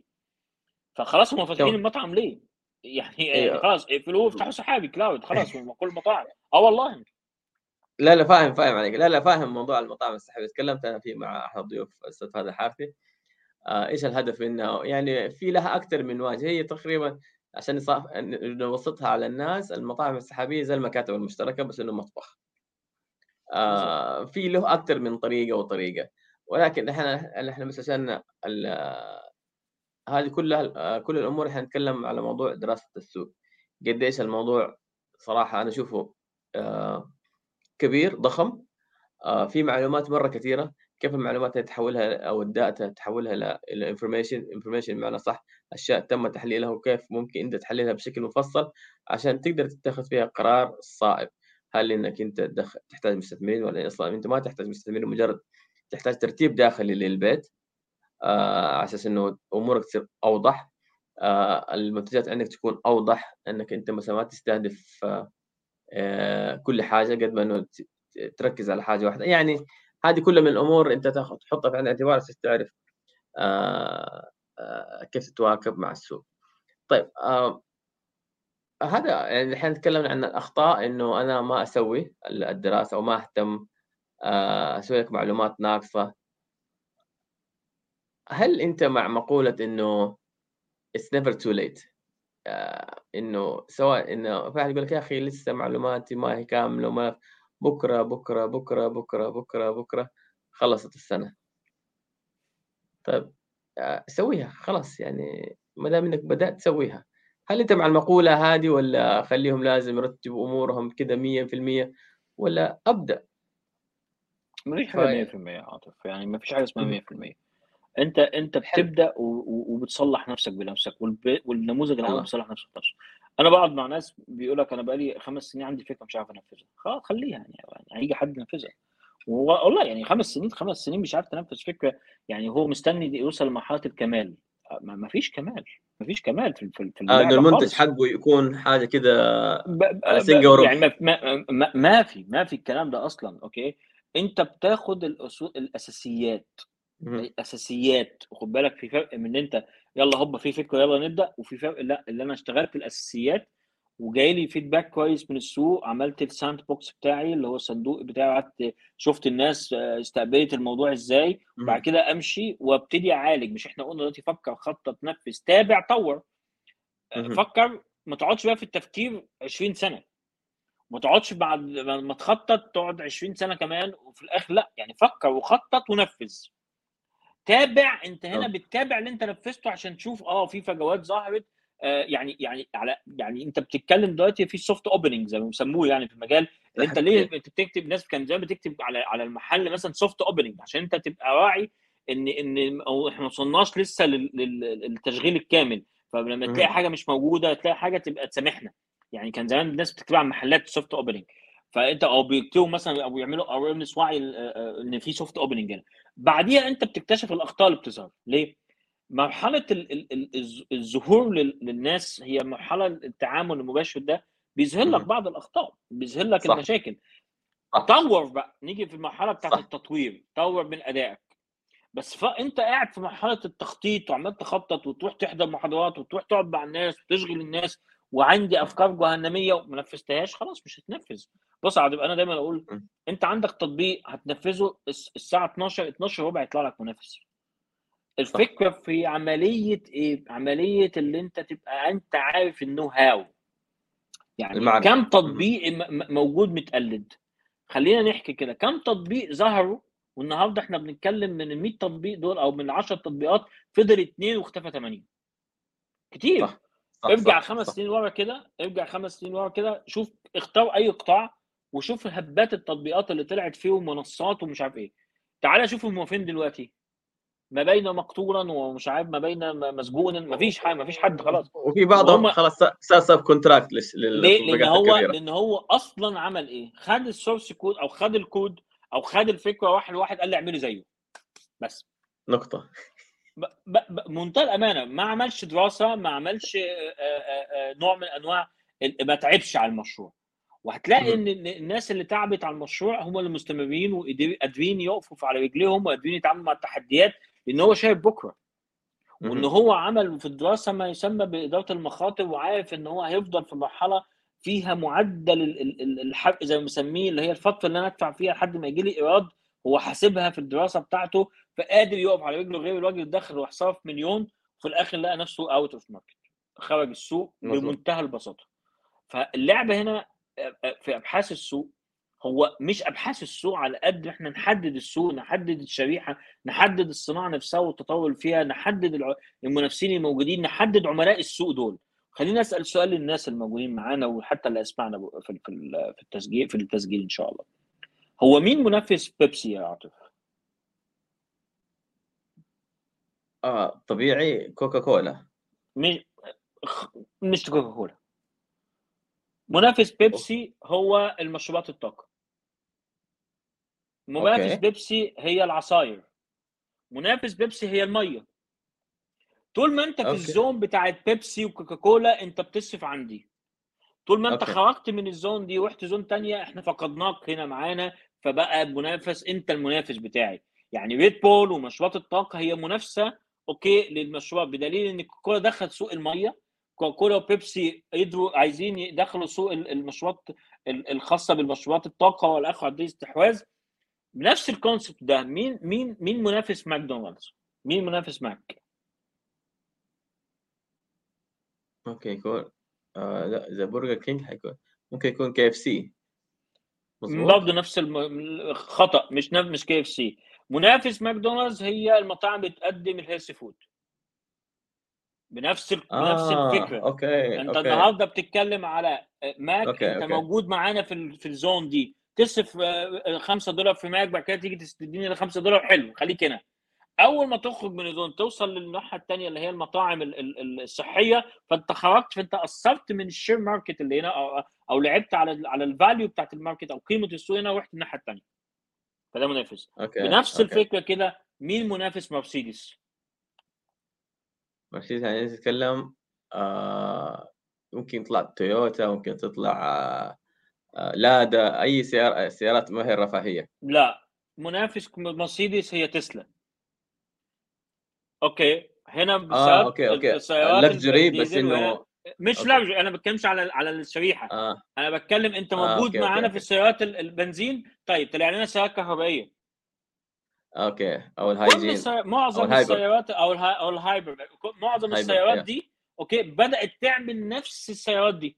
النهارده إحنا بنتكلم بي إم. مرسيدس هتبتدي تنزل ال... السيارات الكهربائية. ليه؟ لأن المستهلك بدأ يغير من ال behavior السلوك. أيوه من السلوك. okay. فأنت دلوقتي عندك ال... بدأ يخرج من ال zone بدأ يخرج من منطقتنا هنا ويروح منطقة تانية. فأنا لازم على طول أدخل معاه هنا عشان آخد برضه ال share هنا. عشان هنا الشير عمال. ينزل market okay دحين هنا القياس الصحيح. لأنه في في مطعم هنا في جدة مشهور. آه أنا أقول أنا ما عندي ما الشغلة ما هي التسويق قد ما إنه نحاول نتعلم. I'm hungry I'm hungry طبعا داخل موسوعة جينيس بأكبر المطاعم. فجأة كده I'm hungry دخل في عالم السلطة. آه، يعني أنا ما فهمت. بس دحين لما أنت شرحتها فهمت هو لقى في سلوك عنده إنه الناس يبغوا يتوجهوا لل healthy للسلطات وما السلطات والأمور هذه فسووا زاوية قد إيه كبرها وماك سلطات. ماك عمل عمل عمل النهارده. ال vegan ال- ال- اللحمة بدأ يدخل في القهوة عمل ماك كافيه. عشان يدخل القهوة البيك بدأ يتدخل قهوة الموضوع يعني يعني أنت عندك دلوقتي برجر كيتو بتاخد لحمة جوه. خس فأقول لك برجر كيتو النهارده. ماكدونالدز بقى يدخل ال vegan الحاجات ال- ال- ال- اللحوم النباتية okay ليه مش مصنوع من نبات ليه؟ بقى في شريحة تطلب فأنا مش عايز أفقد الشريحة دي فبغير من نموذج العمل بتاعي وبأدي للشريحة دي. النهارده ال almond milk ال- ال- ال- اللبن ال- اللبن ال- ال- ال- ال- ال- هو ال- اللو- اللوز. اللوز. النهارده اللبن اللوز ليه محطوط في في ما بقاش ما بقاش رفاهية. لأن الناس اللي عندها اللاكتوز عندها حساسية من اللاكتوز آه. بدأ أحط لهم مش عارف إيه لأن أنا مش عايز أفقده. أنا مش عايز أفقد اللي داخل أنا عايز اللي يدخل لي المحل اللي يدخل لي ال website اللي يدخل لي في أي مكان يدفع. بس. فلازم اللي مدام- يدخل ده طالما دخل يدفع. فلازم ما أنا أوفر له. النبي تعالى. خلينا خلينا اكون معاك صريح. لا لا لا، لا، هو كده. يعني بدون آه يعني بدون بدون ما أنا ما أكون ب- بتكلف أو بضحك. لا لا الموضوع مش موضوع كده لأن يعني دايما يقول لك ليه اليابانيين ما بيصرفوش دعاية عن التسويق ما بيصرفوش فلوس على الدعاية؟ عمرك ما شفت أي منتج ياباني بيعمل دعاية مثلا اليابانيين المواقع اليابانيه بتتكلم عن المنتجات. اليابانيه لأن هم بيهتموا بالدعاية اللي قايمة على التجربة. يعني هو ما يصرفش فلوس على الدعاية بس يصرف فلوس على جودة العمل عشان التجربة أنت هتعمل له دعاية بما يسمى بالتسويق الشفوي أو ال word of mouth فهي. اللعبة هنا فإحنا بز... إحنا اللعبة نفس الكلام إحنا بنتكلم في إيه دلوقتي؟ بنتكلم أنا دخلت عند عاطف محل عاطف القهوه المختصه شربت هتلاقيني بك... كاتب عنك في جوجل هتلاقيني بقول لأصحابي أفضل حد بيقدم قهوة موجود في المنطقة دي. أنت المثال اللي قلته ده معناها إن في مرونة في ال business model عند الناس دي. لقوا إن الناس. تدخل تطلب تسأل سلطة. يعني ستاربكس بيبيع سلطة. صح. يعني أنت لو سألت واحد والله يعني أنت لو سألت واحد تقول له تعالى ناس- ناكل سلطة عند ستاربكس إيه اللي جاب القلعة جنب الب... يعني إيه اللي جاب ده جنب ده؟ إيه اللي جا- إيه اللي جا- سلطة يعني وقهوة. فين- إيش إيش؟ فين الدنيا؟ إيش جوك؟ إيش مزاجك أنت؟ بس هو بس كده. هو عشان عارف إن العميل اللي هيخش له ممكن واحد يطلب يعني أنا أنا أنا بدخل في ستاربكس مثلا ساعات بدخل بطلب الحلومي ده. بيقول لي تشرب حاجة؟ أقول لأ. فأصبح إن ال ال ال ال يعني ال back العمود الفقري بتاع ستاربكس محدش بيطلبه أصلا. okay والناس تدخل تاكل. okay؟ فأصبح ستاربكس دلوقتي منافس لماكدونالدز ومنافس لل... في, في ال zone بتاعت الحتة دي. وأصبحت. قهوة بتاعت إيكيا منافسة وأصبح ال- المطعم بتاع إيكيا منافس لل- للمطاعم. okay؟ صح. ف- فهنا اللعبة أنت فين بقى؟ أنت م... أنت فين المكان بتاعك؟ أنا لأ أنا قاعد مستني العميل يجي. العميل دخل سألك سؤال عندك ice cream ما, ما عنديش ice cream يعني أنت ستاربكس ناقص له بس يحط ايس كريم وبقى خلاص قفل قفل على دخل على كمان جو باسكن روبنز ومش عارف إيه وكده قفل الدنيا. فأنت تشرب ايس آه والله العظيم. العملية عملية لازم تكون عندك مرونة. أنت النهارده المثال اللي مس... آه، يعني بتأكد عليه النهارده المثال اللي أنت قلته إن إن الناس بدأت عندها مرونة في عملية مراقبة سلوك العميل الدايرة الثالثه من الدوائر اللي كنا فيها. اسمع. عميلك وشوف عميلك. النهارده لو العميل ده عمل عملية واحدة بس دي حسبة حسبة أو مسمى بمعدل عمر العميل لو العميل ده عمل عملية واحدة بس عاطف لمدة خمس سنين ب 100 ريال هو يديك 500 تخيل بقى العميل ده بقى 100 أو بقى 1000 أو بقى مليون بيعمل عملية واحدة في السنة لمدة خمس سنين. استمرارية العميل بعملية واحدة بس. فأنت إزاي. تحافظ على استمرارية العميل؟ إزاي تحافظ على تجربة العميل؟ إزاي تحافظ على التواصل مع العميل؟ واحدة من الدوائر المهمة جدا. هتيجي بقى على الدائره الأخيرة اللي إحنا اتكلمنا عليها هي دائره شركتك نفسها. هل أنت عندك نموذج للرد على اعتراضات العميل؟ هل أنت عندك نموذج للرد على مشاكل العميل؟ هل أنت عندك. نموذج للتعامل الت- ما بين الإدارات؟ لو عندك إدارة تشغيل إدارة تسويق إدارة موارد بشرية إدارة آه، حسابات وما اخره تمام. فكل الأمور دي أنت لازم تكون حاططها في الحسبان لازم تشتغل عليها كويس جدا. أبحاث السوق جزء من جزء من جزء من كيان كبير ومن شغل كبير جدا. أبحاث السوق أنت بتدرس الصناعة بتدرس المنافسين بتدرس العملاء وبتدرس شركتك معاهم بالمرة كمان فالموضوع مش بنا هوب يلا نشتري بحث السوق بيقول لك إن السوق ده هينمو آه، كمان خمس سنين جت كورونا وقفت كل كل الأبحاث صح أنا أنا دايما أقول اللي اشتروا التقرير في 2019 عن حجم قطاع المطاعم مثلا مع احترامي الشديد يعني خلاص. الدراسة راحت هيعمل بيها إيه؟ الدراسة تقول لك إحنا فوركاستنج هنعمل جت كورونا قعدتنا كلنا في البيت والكوفيد الله ما يعيد الأيام دي يعيد. ال- ال- فبدأوا بقى يصلحوا في ال- في الدراسات اللي طلعوها. فأنت لازم تكون عندك حاجتين. آه اعمل اعمل يعني أنا دايما بتكلم في التقنية. التقنية مفيش حاجة اسمها ثلاث سنين. التقنية دي كلمة ثلاث سنين مش موجودة. أنت بتصحى من النوم. تلاقي حاجات ظهرت. آه، آه، منتجات ست شهور. يا أنا okay؟ النهارده إحنا بنتكلم مفيش جوالات بكرة موجودة معانا. فالشركات اللي اللي عماله تصنع جوالات عماله تشوف ال- الوضع هيمشي إزاي واللي بيعملوا screen واللي بيعملوا cover دول هيروحوا فين؟ لأن. هم دول منتجات تكميلية النهارده إحنا بنتكلم على انترنت الأشياء internet of things إن كل حاجة إحنا قاعدين بنتكلم فيها الترابيزة اللي بناكل عليها هتتحول إلى إلى مجال إلكتروني بنتكلم إن إحنا بكرة بنعمل النهارده يعني أنا لو كنت حكيت لك الكلام ده من 10 سنين إن إحنا نخش نعمل أنا قاعد في دبي وأنت قاعد في النهارده في في الجدة مثلا وقاعدين إحنا عن طريق آه، منصة في بنعمل لايف وفي ناس موجودة معانا دلوقتي من أمريكا وموجودة من السعودية صح. موجودة من مش عارف منين أنت تقول جنون، يا صح؟ عمي جنون. أنت تقول لي أيوه عندك satellite وعندك ونا... جنون كان أنا كنت ممكن أقول لك تقول لي يا عم إزاي نعملها إحنا إحنا النهارده تويتر لما عمل حركة واحدة بس قفل تطبيق تاني اللي هي ال space قفل. كلوب هاوس خرجوا من السوق بحركة. ب... ب... يعني يعني أنت بتتكلم على أمور إحنا لازم نكون متطورين والله عاطف حتى في اخر آخر event أو sorry آخر محاضرة كنت بتكلم فيها أنت لو كنت يعني أجدادنا نشرح لهم إن أنت تقف قدام الجهاز ده تحط card كده وتكتب واحد اثنين ثلاثة وتدوس هنا يطلع لك فلوس. صح؟ ده ده ده ده بنفس حالنا دلوقتي لما تيجي حد تشرح له يعني إيه بلوك تشين ويعني إيه ميتافيرس صح صح ما هو صح. أنت مش مطلوب منك تعرف ال mechanism اللي بتشتغل بيه المكنة بس أنت عملت خطوات أدت إلى نتيجة. صح. يعني ال ATM ده كان اختراع. النهارده النهارده ال ATM ده بيختفي. وأعدادهم بينزلوا وحجم وانتشارهم بيقفلوا. الفروع بتاعت البنوك بتختفي. النهارده إحنا بنتكلم على المصرفيه المفتوحه يعني بنتكلم على تطبيقات بدأت تظهر تقوم بدور البنك. بنتكلم مش عن ال online bank إحنا بنتكلم على ال digital bank البنك البنوك الرقمية. فكل ده تطور الصناعه أنا دوري إيه؟ دوري أكتشف هذا الكنز اللي اسمه تحليل البيانات وتحويلها المعلومة. مصادر المعلومات متاحة مجانية موجودة محتاجة منك كوباية قهوة okay؟ تقعد سماعتك في ودنك تقعد قدام اللابتوب تعرف تطلع المصادر تجيب المعلومة تشبك المصدر ده مع المصدر ده تحلل المعلومة تعمل ال form بتاعتك تستشرف المستقبل تعرف إن آه السوق هنا رايح ولا لأ. في حجم في حجم مدفوع النهارده بنتكلم عن قطاع المطاعم الم...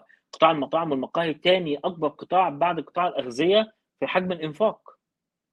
وما زال الناس بتشتكي يقول لك في شركات بتطلع من السوق. حلل الشركات اللي بتطلع من السوق اقعد مع الناس قول أنت ليه طلعت من السوق؟ هقول لك أنا ما درستش مخاطر ما حطيتش نموذج مخاطر عندي. أسباب كثيره جدا جدا وما لهاش وما لهاش علاقة بالسوق. خد بالك. يعني بعض الأحيان يكون المشكلة اختلاف الشركاء. يكون المشكلة مثلا مشك... آه نقص المواد ما... المالية أيوة. عدم إدارة يعني آه... يعني في أشياء كثيرة. ما ما هو شرط إنه السوق ما هو جاذب.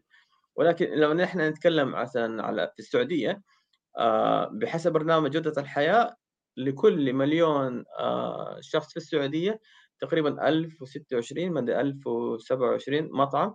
نحن لسه ما وصلنا الرقم هذا. صحيح. تمام؟ فمعناته لسه القطاع ما زال واعد لسه ما زال في توسع لسه ما زال في أشياء كثيرة.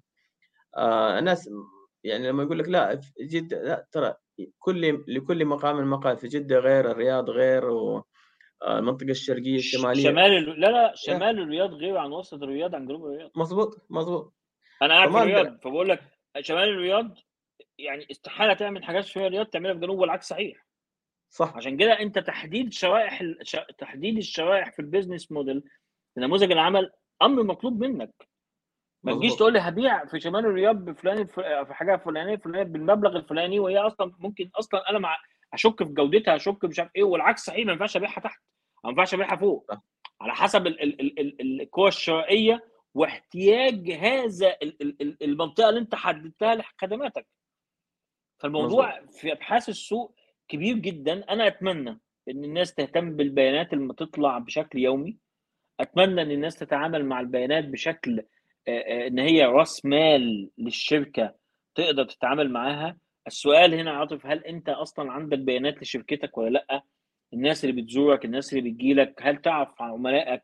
هل عندك بيانات عن العملاء ولا بتفقد برضه المعلومات دي؟ البيانات دي مهمة جدا في تكوين علاقة مستدامة أو ما يسمى العلاقة مع العملاء عن طريق الاستمرارية مع العميل بتاعك سواء كان عن طريق برامج الولاء سواء كان على اتصال مباشر سواء كان يعني أنا أنا أنا واحدة من الحاجات اللي دايما بشيد بيها يعني بطلب من محل دايما تاني يوم بيتصلوا بيا خدمة العملاء في أي مشاكل في الأوردر؟ ثلاث سنين عاطفه ثلاث سنين. استمراريه. العمل. استمراريه العمل. فبسأل البنت بقول لها أنت أنت كل أوردر كل طلب بيطلع بتعمله كده؟ قالت لي آه تاني يوم على طول بنتصل. ثلاث سنين البرنامج ده متاح أنا أنا يعني كسب ولائي الولاء بتاعي اللي أنا مش هقدر أغيرهم بسبب إن هم حريصين دايما مع العلم إن هو هنا بيقدم برودكت يعني ممكن يطلع في يوم حلو ويوم وحش لأن هو أكل فأنت ممكن في يوم الطبخة تبقى حلوة المكونات حلوة صح. مش مثلا صح. مش مثلا مش هقول لك خدمة لأ أكل بس أنت بتحافظ على العلاقة دي فلما يجي حاجة وحشة في النص بتنسى له ده كله عشان إيه؟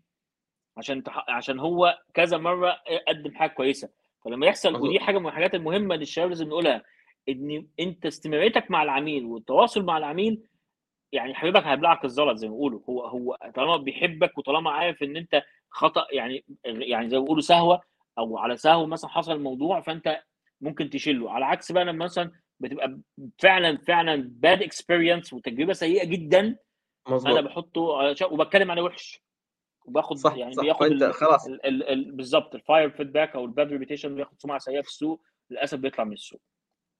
الله يعطيك العافية يا أخوي محمد تسلم. آه أنا بسمع صراحة يعني شوف الموضوع هذا مرة ضخم يعني ما ما أتوقع إحنا نتكلم فيه بكره لأنه هو علم بحد ذاته ولكن أبغى أسمع بحكم أنت خب- خبرتك في السوق أو في مجال دراسة السوق إيش تنصح فيه الناس اللي بداوا الناس اللي تبغى تبدأ آه الناس اللي آه، خلينا نقول في المراحل الأولى إيش تنصحهم؟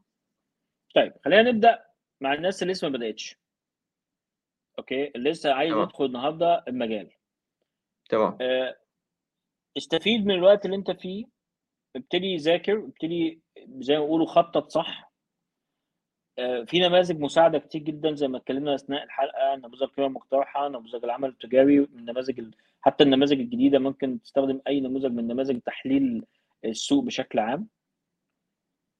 آه، استفيد من المصادر الموجودة والبيانات المتاحة الآن على على منصة البيانات المفتوحة اللي بتنشر بيانات عن الجهات هيئة ال- الإحصاء بتنشر بيانات دقيقة في بعض القطاعات اللي أنت أكيد ده ليه علاقة بيه. حط افرد الترابيزة زي ما بيقولوا حط يعني ركب ال- البازل بتاعك وارسم الصورة صح وابتدي شوف الخطوة اللي بعديها إزاي هتنفذ. سواء كنت هتنفذ عن طريق ال- ال- ال- الفلوس بتاعتك أو هت- هتاخد فلوس من الأهل والأصدقاء أو هتروح تاخد تمويل من جهة من الجهات الموجودة وابتدي تابع اللي أنت نفذته. طيب دول بالنسبة اللي لسه ما دخلوش. طب اللي موجودين لسه بقالهم أقل من خمس سنين. راجع نموذج العمل اللي أنت عملته. كويس جدا. راجع كويس جدا الصناعة اللي أنت فيها والتطور اللي حصل في السوق خلال الخمس سنوات من ساعة ما دخولك للسوق. راجع المنافسين بتوعك كيف طوروا من ادائهم هل السوق بتاعك أصلا يعني يعني سهل الدخول فيه؟ مدى قوة الموردين فيه؟ كنت ده نموذج من النماذج المفروض تعمل قبل ما تدخل اللي هو نموذج القوه الخمسية أو ال five اللي هو ال five force أو five factors الخاص ب النموذج ال- القوه التنافسية أو القوه الخماسيه ال- الجزئية دي اللي هي مدى الموردين والعملاء ونفس الكلام حجم السوق حجم التنافس جوه السوق. كل الأمور دي وال- والمنتجات البديلة أو ال- أو ما يسمى بالمنتجات البديلة زي ما اتكلمنا عليها اللي هو إن أنت في منتج بديل ممكن يسيب العميل يسيبك أصلا ويروح من منتج بديل okay؟ صح. اللي قاعد في السوق دلوقتي لازم يراجع نموذج العمل التجاري بتاعه كويس جدا. لازم يشوف الأخطاء اللي حصلت في نموذج العمل. يشوف الأخطاء في تنفيذ نموذج العمل. النهارده أنت بتتكلم إن إحنا قاعدين بن... قاعدين بنتكلم بس لما ننزل السوق في متغيرات كتير في السوق حصلت okay؟ مظبوط. إزاي هيتعامل مع هذه المتغيرات؟ اللي بقاله أكتر من خمس سنوات لازم كويس جدا إن هو اولا يحدد الاستراتيجية اللي يمشي فيها. هل هنمشي في استراتيجية نمو؟ أخش على نمو. ممكن أست... أعمل مثلا استراتيجية انكماش. ممكن أعمل تحالف مع شركة تانية. ممكن أبيع جزء من حصة الشركة. ببدأ اراجع نموذج العمل التجاري بتاعي. التحالفات واحدة من الحاجات اللي بتكلم على بقاله كتير في السوق. التحالفات واحدة من الحاجات المهمة جدا. التحالفات واحدة من الحاجات المهمة مهمة جدا. شوف ممكن أتحالف مع شركة آه، آه، أخرى. ممكن أتحالف مع شركة مثلا موجودة في نفس السوق. إحنا مثلا نعمل كيان جديد ونحط ونقوي الكيانات الموجودة. آه، نفس. الكلام أشوف ال- الأخطاء اللي أنا وقعت فيها وأبتدي أحلل الأخطاء. الصناعة اللي أنا فيها منافسين العملاء. أسمع العميل كويس جدا. ممكن أعمل ممكن أعمل النهارده focus group مثلا. أجيب شركة تعمل لي focus group. أنا بتكلم على الشركات اللي في السوق. آه، مثلا ببيع مثلا آه، آه، منتج غذائي أو حتى ببيع خدمة وأجيب ناس آه، ادوقهم منتجات المنافسين ومنتجي وأسمع الرأي بتاع focus group. الناس تتكلم فيه وتاخد ال- ال- ال- ال market group ده اللي هو يتعمل. بالظبط وتشوف ال ال ال الناس بتقول إيه عن الم- المنتج بتاعي أعمل ما يسمى بقياس آه، القيمة القيمه العلامة التجارية آه، عن طريق إن أنا أعمل قياس صحة علامه تجاريه مثلا أشوف الناس بيقولوا إيه عليها في ال social media أشوف الناس بيقولوا عليها إيه في الأرض. كل الأمور دي بتديني أنا يعني الارم عارف أنت الانتباه كده خد بالك أنت ماشي خطأ صلح من وضعك أو أنت ماشي صح كمل. يعني تمام. يعني يعني ممكن تجيب تمام. لك فيدباك كويس وتكمل في السوق. تمام. والناس محتاجة. تمام. في سؤال هنا من أحد المتابعين آه خلينا أعرضه على الشاشة. سؤال من حضراتكم كيف ممكن نحدد السوق أصلا لو لسه محتار فين مركز اهتمامي وفين أبدأ وإيش السوق اللي لايق علي؟ للبزنس طبعا. آه بطلب من حضراتكم مثال الفنون والرسم لأنه مجال خليل كلام. المعنى صح مصادر المقصد. أوكي. أه، ه- أه، السؤال هنا أنا أحدد السوق بالنسبة لنا. يعني بالنسبة لل- لل- للسائل. طيب هنا دي محتاجة زي ما بيقولوا أه، أه، مش هقول لايف كوتش على أكتر من تقعد مع حد تحكي له إيه- إيه اهتماماتها تحكي له الشغف الموجود فيها. مظبوط. فيبتدي يعمل تحليل الشخصية مثلا وفي نماذج تحليل الشخصية موجودة على ال ال الإنترنت مفتوحه المصدر. ممكن أخش اسال بيتسأل مجموعه أسئلة فيقول له أنت شخص مثلا إبداعي آه، تنفع في الأعمال المكتبية تنفع في الاعمال الابداعيه مظبوط. مظبوط. المرحلة الثانية تمام. ده آه تحديد تحديد أنا أنا كشخصيتي أنا الميول الميول الشخصية. left mind right mind بفكر ب- بالشق الأيمن بفكر بالشق الأيسر آه، والاخو من الأنماط الشخصية بشكل عام ودي موجودة. تمام. الجزء الثاني مجال الفنون والرسوم بشكل عام واحد من المجالات اللي اتأثرت خلال الفترة اللي فاتت دي بظهور ما يسمى بالرموز الغير قابلة للإيه للتداول أو الرموز اللي هو ال NFTs اللي هي ظهرت فجأة وتحول الفنانين من الناس بترسم من الناس بتصمم والرموز بقت تدخل فيها فلوس كتير جدا فبرضه واحدة من الحاجات اللي القطاع اتأثر فيها أوكي. القطاع اتأثر فيها القطاع اتأثر فيها على المستوى العالمي صح. أنا بتكلم على المستوى. العالمي على مستوى ال- ال- ال- ال- ال field زي ما بيقولوا أو مستوى ال- السوق السعودي ظهرت بعض ال- ال- ال- ال- المبادرات الخاصة بوزارة الثقافة لتدعيم ال- المجالات الخاصة بالرسوم والاخر فبرضه لازم أشوف الجهة المعنية وهنا أرجع لل ecosystem يا عاطف النظام البيئي للجهة. أنا القطاع بتاعي مين المسؤول عن القطاع بتاعي؟ أنا لو في الرياضة دلوقتي. عارف إن وزارة الرياضة طالع منها مثلا اتحاد كذا دول مسؤولين عني ده في الجانب الحكومي. فأنا لما تمام. أكون عايز أعرف معلومة وعايز أعرف اتجاه أشوف الناس دي.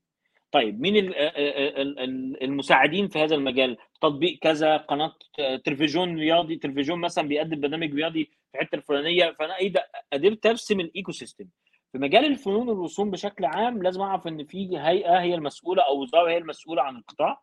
طالع منها مبادرات أنا ممكن أكتشف مبادرة أنا ما أعرفش عنها حاجة بحكم إن أنا ما سألتش. ممكن أشترك في مسابقه أعمال ممكن أشترك مثلا في حاضنة من حضانات الأعمال اللي بتدعم هذا النوع من أنواع مثلا ال- القطاعات.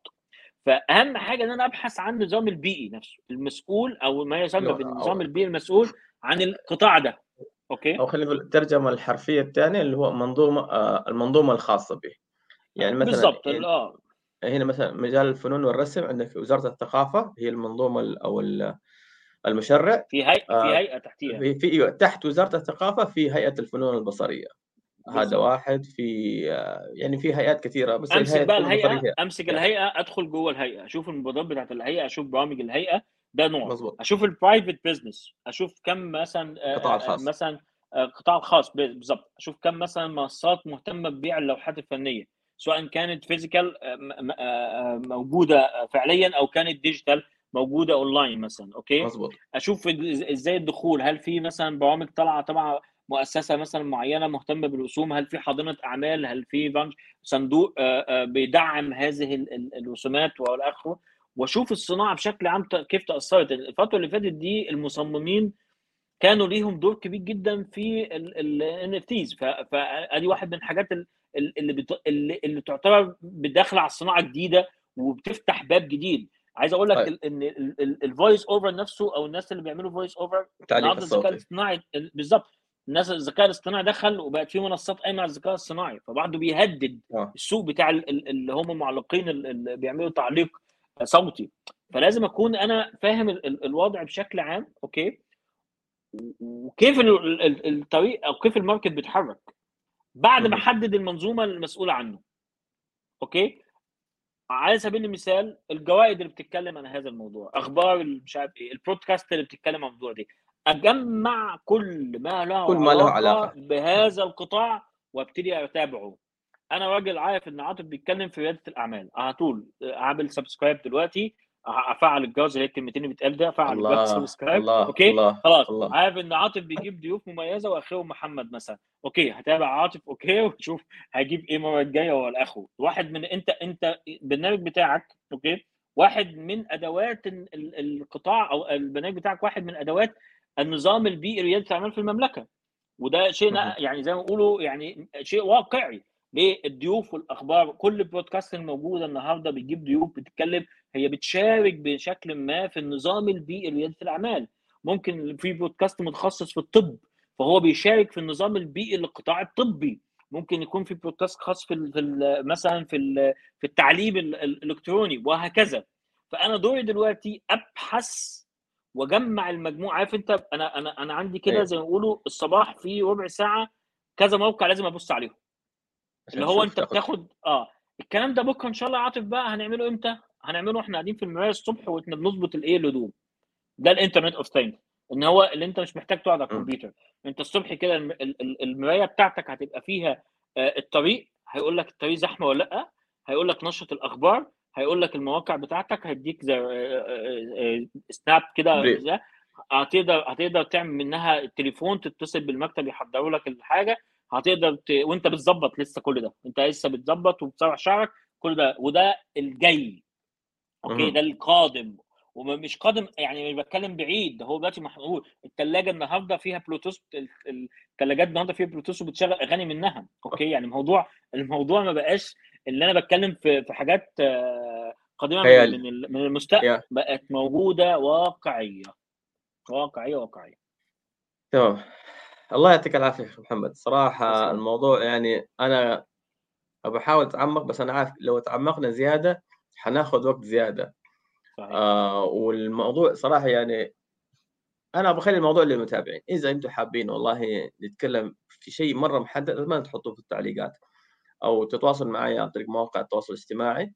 آه إيش الشيء اللي حابين تعرفوه عن موضوع دراسة السوق؟ إيه- إيش الشيء تحديدا لأنه ما حقدر أتكلم عن كل حاجة وهي ما أقول هي أسرار المهنة أو حاجة بس إنه الموضوع جدا ضخم لأنه هو في النهاية علم تمام آه، أو إذا حابين والله تستعينوا بمستشار آه، تقدروا تتواصلوا مع الأستاذ محمد حمدي عنده شركة استشارية متخصصة في المجال هذا فالله يوفقنا وياك آه، بعيد عن. الشركة عاطف بعيد عن الشركة. برضه في يعني أنا موجود في منشآت وموجود في يعني يعني مش- تدلني في الرياض الرياض. م- onli- online online. حتى منشآت أوكي. موقع نوافذ وده آه، مجانا. يعني يعني الموضوع مش مش بس يعني آه، مش مش آه، مش تجاري. لا أنا موجود لا لا فاهم. أنت دي خدمة مجتمع. بالظبط. دي. دي دي دي بعيد. أي حد حابب يخش على نوافذ هلاقيه موجود يحدد جلسة يختار.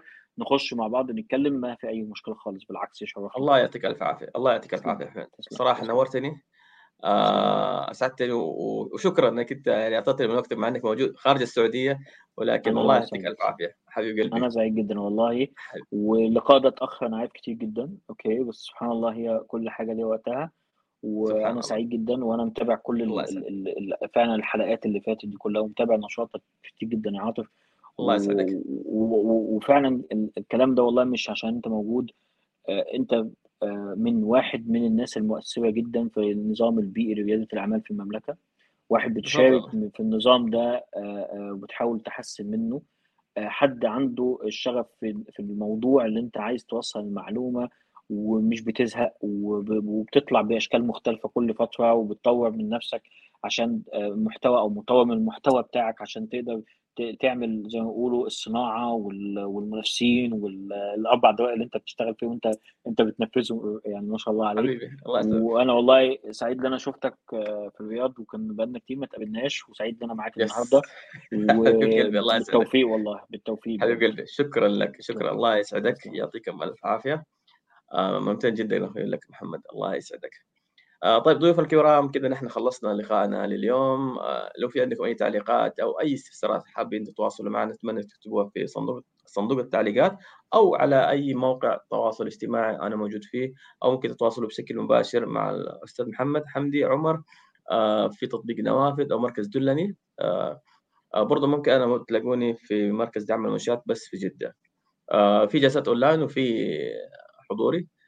آه حابب نقول لكم كل عام وأنتم بخير رمضان مبارك علينا وعليكم قبل ما يبدأ إن شاء الله الحلقة الجاية حتكون خلاص عدينا أسبوع. آه أتمنى طبعا شير وانشروا يا أهل الخير ونشوفكم على خير. سلام.